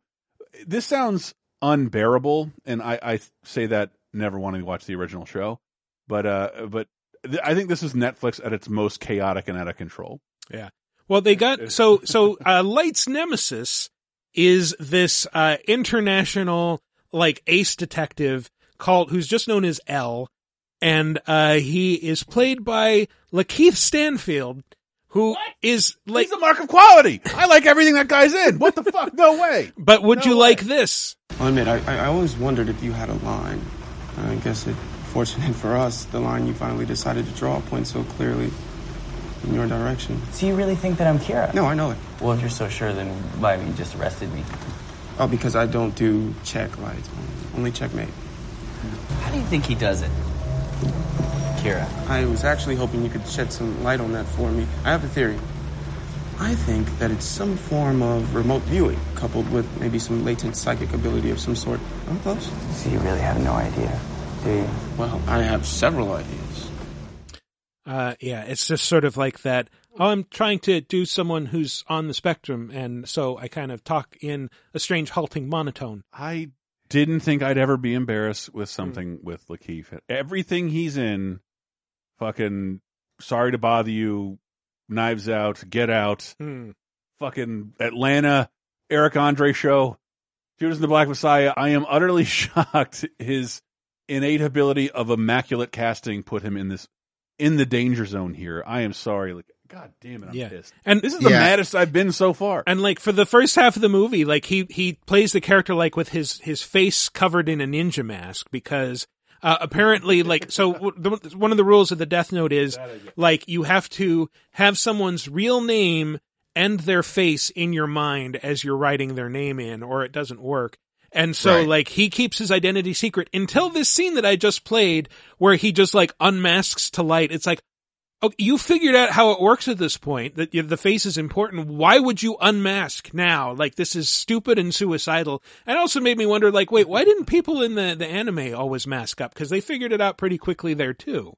Well, so the the thing was in the anime, what they did was they went away from because like they noticed that Kira was was killing people when they would when they would like publicize like all these crimes. Like if a criminal would happen, they would have the person's name and their photo, so they just stopped. Right? Like the reason why they figured out how Kira was able to do it, and not Kira, how um yeah Kira, 'cause that's that's what his name was, uh, is Kira because killer. Uh, how Kira was able to work was they did a broadcast that broadcast in different regions of Japan.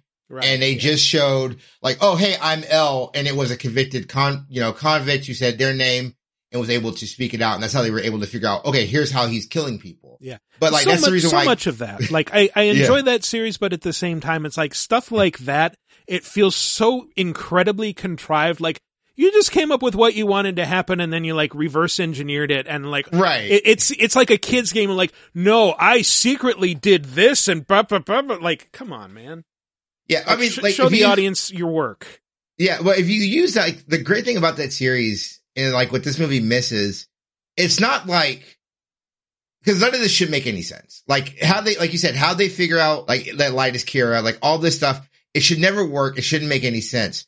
But you got to think of it like it's almost like it is a, it's like the cosmic, like it's like it's like you're waiting for the co- like for the cosmic other shoe to drop, and like mm-hmm. every time like L gets away, I mean, like gets away with stuff like you see like oh but they had something else like he has to like plan for. Oh they had something else. Like they literally had a point where like light has to give up himself and say you know if you think i'm kira just lock me up and we'll see the killings. He then forgets like he makes the the the book leave him so he forgets that he ever had the death note so that he gets away with it. And then as he loses that you know loses that he's able to get the death note back right? So like hmm. it's kind of like seeing that chess that chess game. But like this movie chess game we're playing shoots and ladders baby like it is every boring like uh, uh kids like oh well of course you're the killer blah blah blah blah blah like Yeah. it's It's mm, Yeah, and and only at the very end, like, do we see him doing anything that's like, oh, this is sort of like something the original Light would do, like this fantastically complicated plan that he pulls off without a hitch. Yeah, this, this is just is not the greatest adaptation. It's probably one of the more watchable movies on this list. Probably a bit better than a movie that also came out in 2017, Ghost in Ooh, the with a- Shell. with, with a whimper. With a whimper. No, like I, this, this, I think the existence of this was met with the same derision of, of Dragon Ball Evolution, where the people it was meant to appeal to Mhm. deliberately refused to go to the Yeah. theater to watch it. Yeah, well, And- like in the whole thing with like casting ScarJo, like apparently, like Mamoru Oshii, the the director of uh, the Ghost in the Shell movie, said that like no, it's this whitewashing is not a problem. Um, but uh, I'm making a lot of money. Please. yeah, yeah, but so they they they gave it to ScarJo. Apparently, Margot Robbie was originally considered for the role of the uh, the major, and um, and she went off to do Harley Quinn and Suicide Squad instead, which was a much better choice, I think. Ghost in the Shell. I wouldn't have said it at the time, but hindsight, Yeah. maybe. Uh, like if this this movie makes a bunch of weird choices. Well, first off, like Motoko Kusanagi, the main character, becomes Mira Killian, uh, and and like a new name for the major. But you know, spoilers. It turns out, oh, she's actually Motoko Kusanagi at the end. Um, wow, they rewarded my fandom. yeah, yeah, they sure did. And like watching it, I think I, I remember thinking like if if this were like a cyberpunk movie, like capital C cyberpunk, I'd probably be more into it than I am with like, hey, it's Ghost in the Shell. It's set in Tokyo. Everybody speaks English except for one specific actor. Are you insufficiently funded, Mr. Aramaki? Is Section 9 missing some critical operational resource?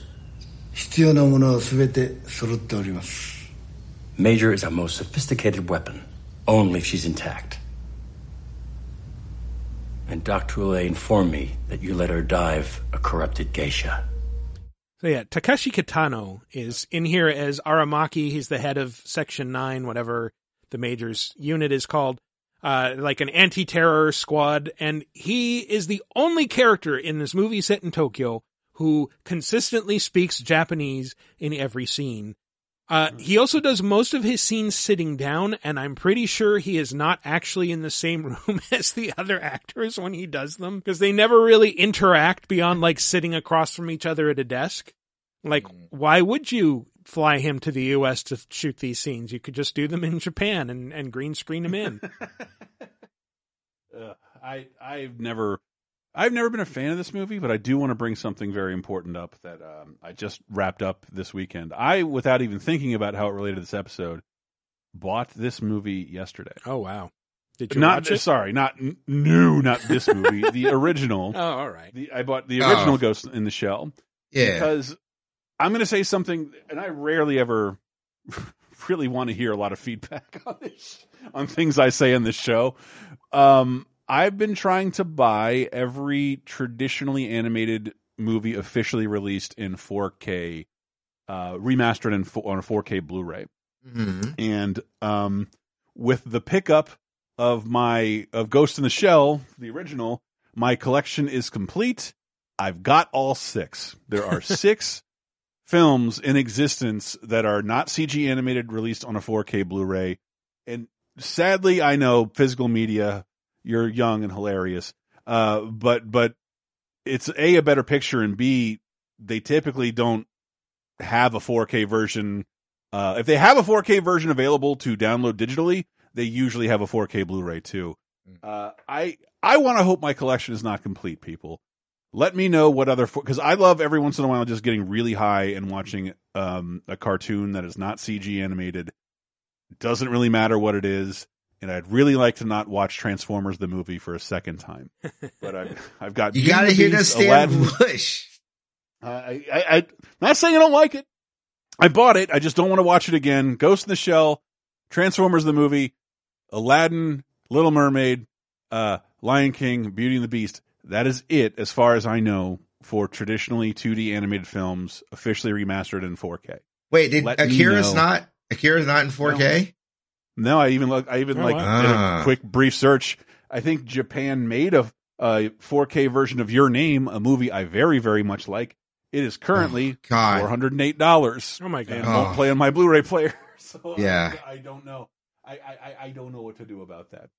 Um, but I would love to know more, and especially because like once I get my weed prescription, I'm gonna watch a lot more anime, including including maybe this Ghost in the Shell. I Yeah. have my doubts, Ghost but in the- definitely not this Ghost in the Shell. Ghost in the Shell, the original, is quite good. It's like it's right up there with Ninja Scroll in terms of like anime that everybody in the '90s, even like non-anime fans, had seen and, and loved. Right. Um, I have seen all but, these. Yeah, it's it's about like you know the future in Tokyo, and there's like you know this this high tech anti terror squad that uses just absolutely brutal methods to put down suspects. But they are like living in a world where like it's post singularity and the line between human and machine is growing thinner every day. And the main character is like a total replacement cyborg where she's like a human brain inside of a completely robot body. And uh, so she's got a bunch of cool abilities and is a super soldier and uh, is on a squad with a bunch of people with varying levels of augmentation. In fact, they have one member named Togusa who's like the only one who has no implants or anything of any kind, and they like ridicule him for being old fashioned. Uh, but yeah, it's it's like th- this is a totally forgettable movie. Honestly, like it Yeah. tries to hit some of the beats of the original movie, and uh, like you know the the cool fight in shallow water, like yeah, that that's in there. Um, but like we were originally going to record this a week ago, and one of the reasons I put it off was because I realized like I don't remember anything that happened in. Yeah. I'm not prepared to talk about it. What's weird about this movie is like, so I could see if, if, if Ghost of the Shell, the OVA that came out in the nineties was the only bit of media, but like Ghost of the Shell has been going on like, uh, like my introduction to Ghost in the Shell actually was standalone complex, right? Like I, I'd heard about Ghost in the Shell Yeah, because TV series, right? again, yeah, yeah. And that's, it's a TV series that was like made after like 2001. So it's a very different political world and like the major and like dealing with that unit, like it's completely changed, like in this new world of global terrorism. And I'm uh, like, so with this Ghost of Shell movie, like I wasn't, I wasn't so quick to poo poo, uh, you know, Scarlett Johansson playing the major because like, whatever, man, I get it. It, it sucks, but whatever. Yeah, But well, she's, just she's like a different make it- version. like the character is completely Yeah. different in every version of this story. Right. So fine. Yeah, but like to make it bland and boring when Hmm. you could have made it, like I said, you could have made it anything because like that story is open to so much interpretation, like you said, and just to make it like a bland, boring retake or like remake of the original movie, like I just I don't get it. Yeah, and it's just like it, it's kind of like you said, it's dull, but like one thing that stuck out to me was the Tokyo skyline. You get a lot of shots of like, look at these buildings with like these giant holographic billboards, and it's always shit like, here's some koi, here's some geishas, here's like a Japanese dude blowing bubbles, whatever. Um, Here's but- some pornographic cereal. yeah, there's wouldn't surprise me. But there's there's like a so much geisha imagery in this, and I think it's more than you will find in actual Tokyo. And it's just kind of like hammering you over the head. Remember, remember Tokyo? We're in Tokyo. There's geishas. We're in Tokyo. You're gonna- gonna dive a robotic geisha and get into her memories and find out that uh, Michael Pitt is is running things behind the scenes as a guy named Kuze who talks like he's uh, Max Headroom.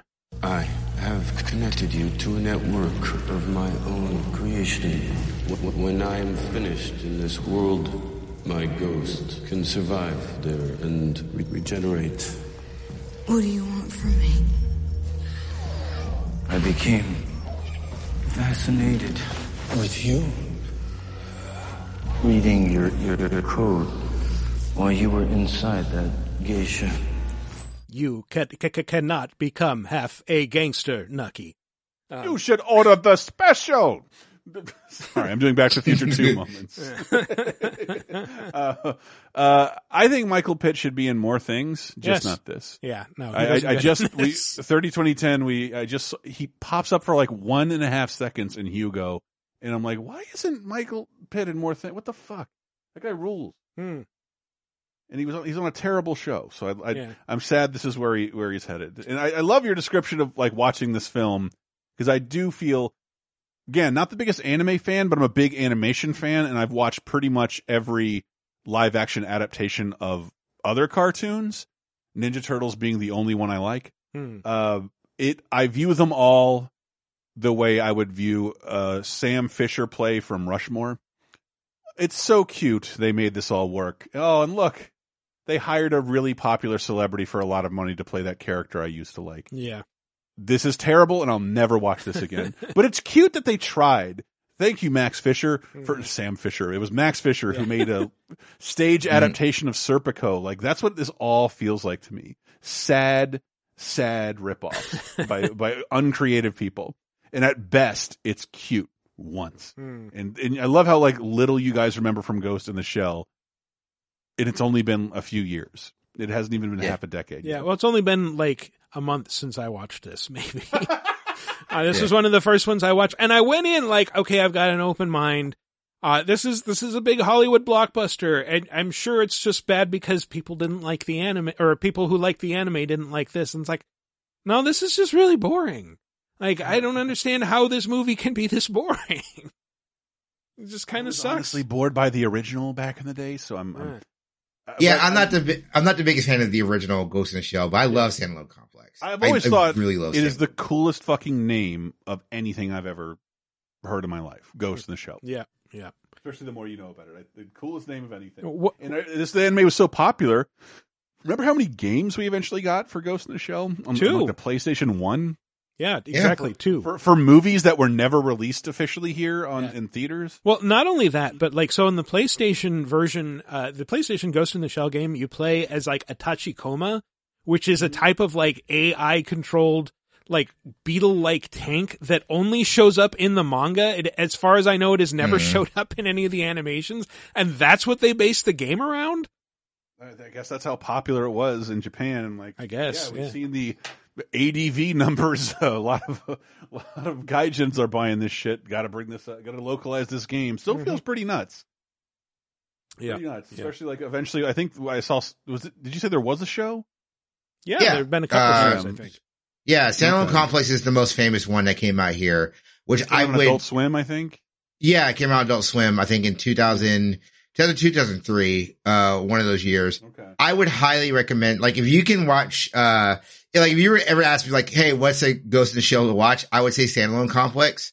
I think it's really, really great, especially like if you like really good political, like, like thriller, like a, like it's cause it's like, it is still a spy, but it's like very political, like, like tied to political leanings. Like, to me, it's like, it's like a really cool version of 24 Yeah. without all the, Well, you know, I- I Jack Bauer you, bullshit. What you mean? Like it's it is a political thriller, Right. Yeah. But It's- in, in it's really you know good. a world where like cyborgs are commonplace. Yeah. Yeah. Um, it's like I said, I, I really enjoy Standalone Complex. Yeah. Speaking of worlds where cyborgs are commonplace, I think it's time to bring Oh. this to a close with Alita Battle Angel from 2019. Okay. Disclaimer. I saw this on a plane. Me too, originally. I, I thought it was great. yeah, it is it is probably if one of the best if not the best movies on this list. Um it is Yeah. so uh this this had a long road because I remember like when Battle Angel Alita was brought to the states in the 90s like in I was in high school hearing a friend saying like oh did you hear like James Cameron got the rights to James Ca- this And, like there's going to be a James Cameron movie about Battle Angel Alita 20 some years later And it's so confusing because James Cameron produced that Jessica Alba show, Dark Angel, Mhm. and I remember like asking friends, "Is "Like, is this it? Is this the Alita Battle Angel adaptation? If so, why would James Cameron do something with such a similar premise uh, and name?" Still a little shocked by that and how he didn't get sued because it sounds Yeah. like I don't need your your property. I'll I'll make Yeah. my own IP. Well, he still had the rights and held them for a very long time, and uh, st- strangely did did not end up directing this movie. Instead, produced it, didn't he? Mm-hmm. produced it. Uh, Robert Rodriguez directed it, and it feels weird to say that this is a Robert Rodriguez movie. It doesn't quite feel like his style. It's very Right. heavily CG. And honestly, I'm a little surprised. So one of the, the central themes of the series is that like, you've got, what is it, Junktown, whatever it's called. It's this, uh, shitty little city, like, that sits in the shadow of Zalem, this gigantic, luxurious city in the clouds. And nobody from below is allowed up above. And it's like, you could have turned You this hear into that, like, Jetson? yeah. Um, yeah. But it, it feels like uh, watching it again, like this could have been like a, a more on the nose, like U.S. Mexico uh, metaphor, and he didn't really. I didn't. I don't feel like he really went in that direction. No, it's, Um, I think he went with the original class warfare of like Yeah. the of the original manga. Like I love like as someone who who then went and watched the OVA, I loved I loved Alita Battle Angel. I saw this in theater. I saw this in theater and like I was like, I'm gonna give this a shot because like as we've talked about in this list, a lot of anime like adaptations like aren't done well. And just like Oh, and this and this one started off like on a really bad foot. Yeah, it had Hmm. it had that that Sonic the Hedgehog thing. Her eyes are too big. What and and that is weird. Like I, every every time I get used to it, like it cuts to a close up of her eyes, and I'm like, ah, fuck, that's strange. But like, I think it works, like because like it is a world of Supposed uncanny. look- It's a world of uncanny Yeah. valley, right? Like she is a machine, and yeah, she's supposed to look inhuman. Again, she's a total conversion cyborg. She has a complete cyborg body with a human brain and like an atomic heart that's been keeping her alive for like hundreds of years. Yeah. In this junkyard. And uh yeah, it's but like she wakes up with complete amnesia, like full command of English, uh remembers a bunch of cool fighting abilities, cannot remember what the fucking orange is. Hmm. That's so good. What do you call this? It's like two separate scenes of her just reacting to food and like, oh, what is this? This is amazing. Yeah. Chocolate is my new favorite food. But I mean that that's Uh, again that's from the that's from the original manga and OVA, Yeah, yeah, right? Like, sure, yeah. well, I read the original manga and she's like, "Ooh, it's so good. What is this?" Like, it's the Blue Collar Comedy Tour, man. It's, it's, Um, it's fantastic. Christoph Waltz fucking rules in this movie, man. I know. Like, I'm waiting for that guy to like totally suck in something because he kind of always does the same thing. But I Yeah. don't know. Well, this is this is a little bit more of a kind of a friendly role for him. Uh, I I guess it's a a little bit more Geppetto like his role. uh, Django Unchained Yeah. role. But uh, yeah, there's this this line that I love here. The name of the game is Cutthroat. Easy on me, guys. Sure, kid. No worries. Alita, What are you doing? it's set up. You gotta get out of there. They're gonna kill you. Which ones? All of them. It's like all of them. Everyone. Yeah, everyone. It's it's right up there. Um, uh, not his not his best line in the thing, but um, yeah, this this has a crazy ass cast. Uh, Jackie Earle Haley is Grewishka. Is like completely unrecognizable. Like if I stare at his CG face for a while, like I can kind of see it, but like does doesn't really even sound like him. If you listen to this clip, Welcome to the underworld, my world. From here, there are worlds above worlds above worlds, going farther up than you can imagine. And the trash of each one flows down to the one below, till it all ends up here. It's where I used to live. And it's where you're going to die. Ooh, pithy setup, one liner. I feel like this movie suffers a bit from like it mashes together two separate story arcs from the manga in in kind of an incongruous way. So you've got the the initial thing where like oh she wakes up she uh fights Grewishka or Grushka in the original. Uh she meets Hugo and uh you know Hugo ends up getting his own robot body for reasons. That's one plot line. The whole thing with Motorball is that, like that's season two. And that's like Yeah. integrated into this. So you have this thing where it's like, what, why are we spending all this time on Motorball? It's like we just put the, hit the pause button on the other plot. And now like we're, we're going to watch this zero stakes CG race battle thing. and it just it doesn't mesh well and yeah it literally And- feels like the movie's spinning its wheels And then it ends on the like going into the next one, or they're like, all right, we're gonna fucking just climb the gate then. And like mm-hmm. that's the next arc. Like it's like you're you're smashing so many arcs. Like it's I think the the bigger thing, and like this is just like an overall thing, and like the one thing I think Bebop works well. I think with a lot of these things, like if you're going to tell these stories, maybe like doing them as short form, like streaming series works best. Like treat Yeah. them like OVAs so they can get time to breathe. Like again, I think Bebop is too long for some parts, but like had they tried to do this as a movie, it would have been worse because they would try to cram so much into it. Like I love Alita, and like if that was like a full on streaming series, like seven episodes, it would probably be one of my favorite things. Right. Is that's the the last thing I remembered about it. Like I can't stop looking at this person, and it turns out it's an uncredited cameo from Edward Norton, leaning towards a much, seemingly hinting at a much larger role in a future thing that we're just never going to get because of how long this took to come out. I, I I believe this is Robert Rodriguez's highest grossing movie ever, not Wow. adjusted. wow okay But it was surprising. I thought this had this was had bomb written all over it, but Hmm. apparently people went to go see it. Yeah. I'm very happy about it that. it might get a sequel and given how long David, James Cameron takes to make sequels it might be 20 yeah, years I don't I don't think we live in a world anymore where you can wait this long to greenlight a sequel. Hmm. We were having that discussion about Mad Max because uh, for some reason Warner Brothers is like sponsoring a bunch of ads on my fucking social media, like buy Mad Max. Like already did. Try making a new one. like Yeah. I don't know how many more times I can buy this.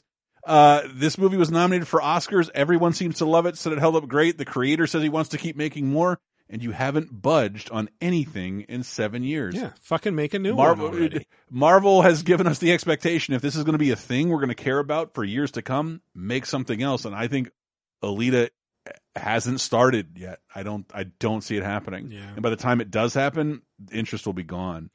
Yeah, this this also has um like I just being overjoyed like ah Mahershala Ali is in this, Jennifer Connelly is in this. Neither one of them really get to do anything. Chiren, wait. Don't you think it's time you went to Zalem? I could send you up there right now. What I want. It isn't up there. Yeah, but you're gonna go up there anyway. They're literally in it for like a second, but like Chris said, it's because they're setting up for other movies. Like they will be in the sequel that will never come out, right? Well, no, they won't actually. if you've seen this to the end, you know Yeah, neither yeah. of them showing up for a sequel. Um, but but it is you know it, it's it would be fun to see them, except like yeah, Mahershala Ali is just like I'm just sort of lurking around in the shadows, being menacing. Oh yeah, And, yeah, yeah, like, yeah. I guess that's kind of cool, but like you can do so much more and so much better, and you're too good for the material they've given you. I don't know. Yeah. I know. I'm I'm I'm totally with you on that. There's uh, this movie was like so far from perfect, but I'm glad. I'm glad it resonated with audiences. I, I was pretty shocked. I thought it was totally dead in the water. It seemed a little too high concept, and people were already rubbed the wrong way from the visuals. Not unlike the Sonic the Hedgehog movie. I don't know. Yeah, No, that that was a weird choice. It's like, but people in anime do are not supposed to have like canonically, like in their world, these are not unnaturally large eyes for them. true. like that's Right. the art style, man. That is not the one thing you should authentically take from the page. Yeah, yeah, exactly. pick and choose and and that those are the ones you chose to highlight and it, it when you when since we're about done talking about them is there any reason why those are the ones you decided to highlight are they like best worst most notable examples Those ten movies. Yeah This was literally every example of an American live action remake of an Oh. anime I could find. We did them Yeah, all, okay. as far as I know. We did them all. we did them um, American sorry because you know Japan Yeah. does this Oh, the time. like I, like I Yeah. said, um, like this is that would be a huge field to Yeah. and and I- full of movies I don't want to I think watch I- at all. I was Yeah. just glancing. I At, will there say- are three. There are three or four Death Note live action movies and a live action series that Mhm. also doesn't seem to be met with great reviews. Well, no, so the um, I believe the second Death Note movie is really good. Like, but like with Japan, like you said, like so like there's not a good Phoenix Wright movie that they've done in Japan, Mhm. right? But like there's really good plays, like Hmm. stage plays that, that that have worked with Phoenix Wright. And then like I will say, um, one of my favorite anime of all time, uh, Lupin the 3rd did get a live action movie, uh, like two years ago. Hmm. And it's really good. It did? Like Made by it who? Did. Uh, it's a Japanese, it was a Japanese, like Japanese studio that ended up doing it, but it's really good and really fun. Um, Yeah, I, I so asked, like I I, my. Oh, go ahead. Sorry. no, I was saying, I would vouch for that one. Like I'm not really a huge fan of, of these, but like that one is really, really fun. Yeah, I don't think I- I anyone's asked a a buddy- fan of these. I like the I like the the Miyazaki one. Uh, whatever it's called, Castle of Castellio, Castel, Castellio, Castellio, Cagliostro? Yeah. Cagli, Cagliostro. Yeah. Uh, Gangly Ostrich. Um, my, I was told my buddy we were doing something about, um, live action anime adaptation. He's like, man, you got to talk about Blade of the Immortal. And I said, first of all, no, I don't. And, and second of all, what the fuck is Blade of the Immortal? And he just, he just mentioned that it was an anime that was well received, but was canceled, ran out of money and had to make its last sequel or follow up in live action form. I just couldn't find out like is that a unique thing in anime because it feels like something that might happen a lot where Hmm. you know you get cut, you get your time t- your time cut short and people don't have a ton of faith in you but you want to finish the story. Um That seems but really it weird to me because generally animation, like one of the reasons that anime is such a big art form in Japan is because it's a way of doing things like on a Hollywood scale, but on a shoestring budget. Yeah. Like you can do yeah. amazing things in animation that you can't do in live action unless you spend a ton of money. It's But why it- Comedy Central canceled all its highest rated shows to focus exclusively on animated properties it never invented. Hmm. Daria, Beavis and Butthead and Ren and Stimpy coming soon to Comedy Central. but it's like also like I do know it depends on the years, right? So like Michael, you're absolutely correct. Like now, but I know like in the '90s, that's the reason why you got like in the '90s and '80s, why you got a lot of either OVAs or like these weird movie adaptations because like the studios like they didn't think there was money in doing like televised animation stuff, but like. Hmm. Then you had the, the, like I said, you had those three big shows of, you know, Fist of North Star, Saint Seiya, and Dragon Ball. Then you have TMS making all the money here doing American animation. And they're just like, oh, wait, we could make money doing this. And that's why you see like a lot of like, there's a lot of shows that just like start in the 90s. And then like since like 90, like since like what, 94, 95 until like now, there's always been like this big boom of animation on television, but there wasn't like this. It wasn't like this previously. Hmm. Like, Yeah, yeah, they- like these would just be either OVAs or like, oh, we'll make a movie version of it. Yeah. Yeah. Yeah. Like, uh, streaming has totally changed everything on that end. Like, you, you should never want for watching something animated, w- whether it's from Japan or not, ever again. It's pretty astonishing. I mean, I, I just grew up being like, if it's a cartoon, any cartoon, I'll watch it. Same. And I had no Same. options. and, and, and uh, yeah, everyone has a billion fucking, I can't finish things that I like now. Um, it- which ones are we talking about? Is the, the maybe pile?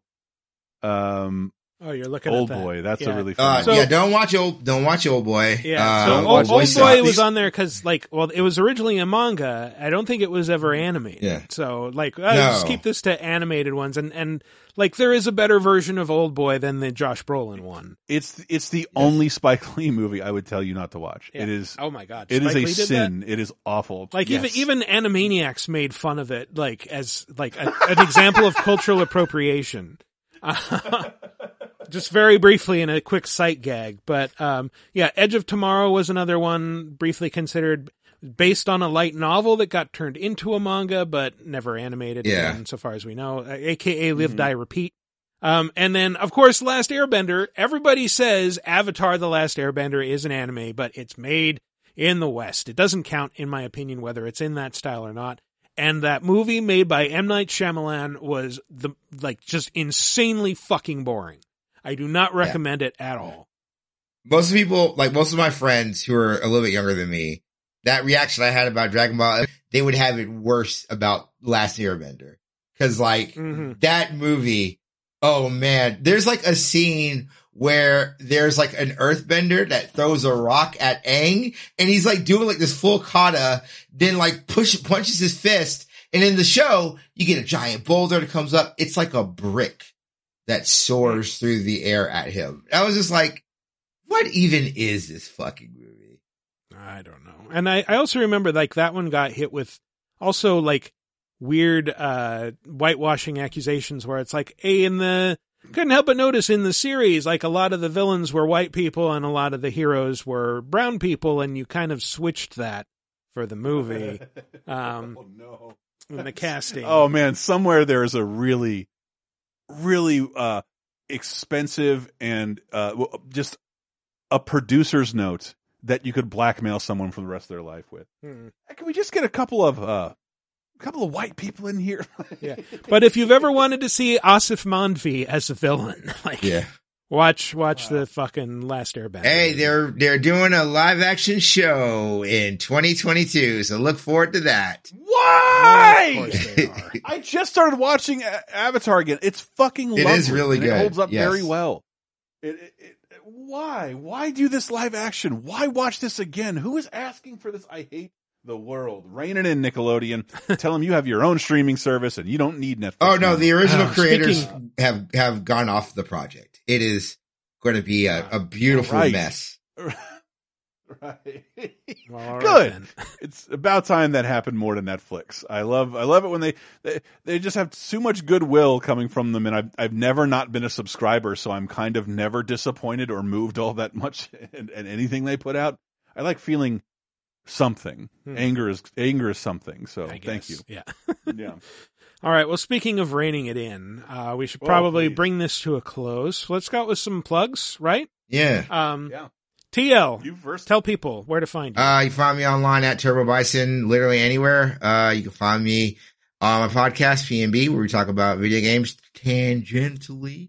Uh, that's how you say the word. I don't know. Uh, and you can find me on, uh, Life from the Full House, uh, my weekly show that I do with Sonya Valentine, who is like insanely talented.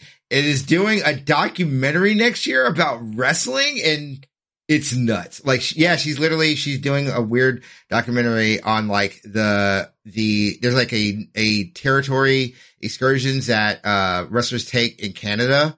Uh, it's usually around a lot of native areas, but like, it's like, Stampede Wrestling? No, it can't be. no, it's not Stampede. Like these are like in small dot areas, like you can't fly to. So wrestlers like literally will get a van and drive. And she's doing a documentary on that. And I am super excited about that. And she sent me ketchup flavored potato chips. Wow. Thank you. I'm They're afraid to eat called all dressed chips lovely. and they rule. No, no, I, I ate the all dressed already. These Oh. are the, there's ketchup ones. Uh. I love all dressed. Nice. That's just delicious. Uh, yeah. And uh, Michael, what about you? Where can people find you? Oh, at? people can find me every Friday at Vigigame Apocalypse, our sister podcast to Laser Time, uh, VigigameApocalypse.com. Follow us on Twitter at VG Apocalypse. We talk about Vigigames every week and go through like a top five on some inane topic and talk about new releases. It's a fun two hours. But Chris, how about yourself? Well, I don't care. Uh, laser time here, uh, 30, 2010. I'm just, look, I, it's been 10 years of plugging. I'm just, Hmm. Every once in a while I'm tired and I Hey, don't want to I'll, do it. I'll, how I'll do it. Patreon.com I'll do, I'll do, I'll do Patreon, one. I'll do one, Chris.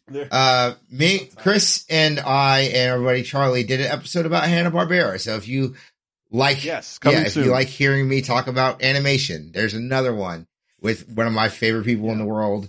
Like, it was just a really good time. There we go. Yeah, and, and, and, and objectively far worse cartoons than this, yet a fascinating story of the his, a brief and casual history of television animation. Uh, but yeah, long hard road that we wouldn't have been able to do without the Japanese. So I'm going to go ahead and plug the nation of Japan. That is my plug this week. Everyone check them out. And maybe look them up on Wikipedia. Nice. And once again, patreon.com slash laser time. There you go. Yeah. Supports this show, and you got a bunch of bonus content coming at you this week. Um, if I can, oh, dig myself out. Anyway, let's close out. What song should we go out with? Well, let's go with Rock the Dragon, which was the yeah. original American theme song for Dragon oh my, Ball Z. kill it. Seems okay, appropriate. fine. What, you want to go out on Head Shala? I love Cha-La Head-Cha-La. We should absolutely close with Cha-La Head-Cha-La because that song rules. Everyone, find a dinosaur, teach it to ride a ball. Uh, we will Patreon.com slash lasertime. We'll see you, we'll see you soon. Bye.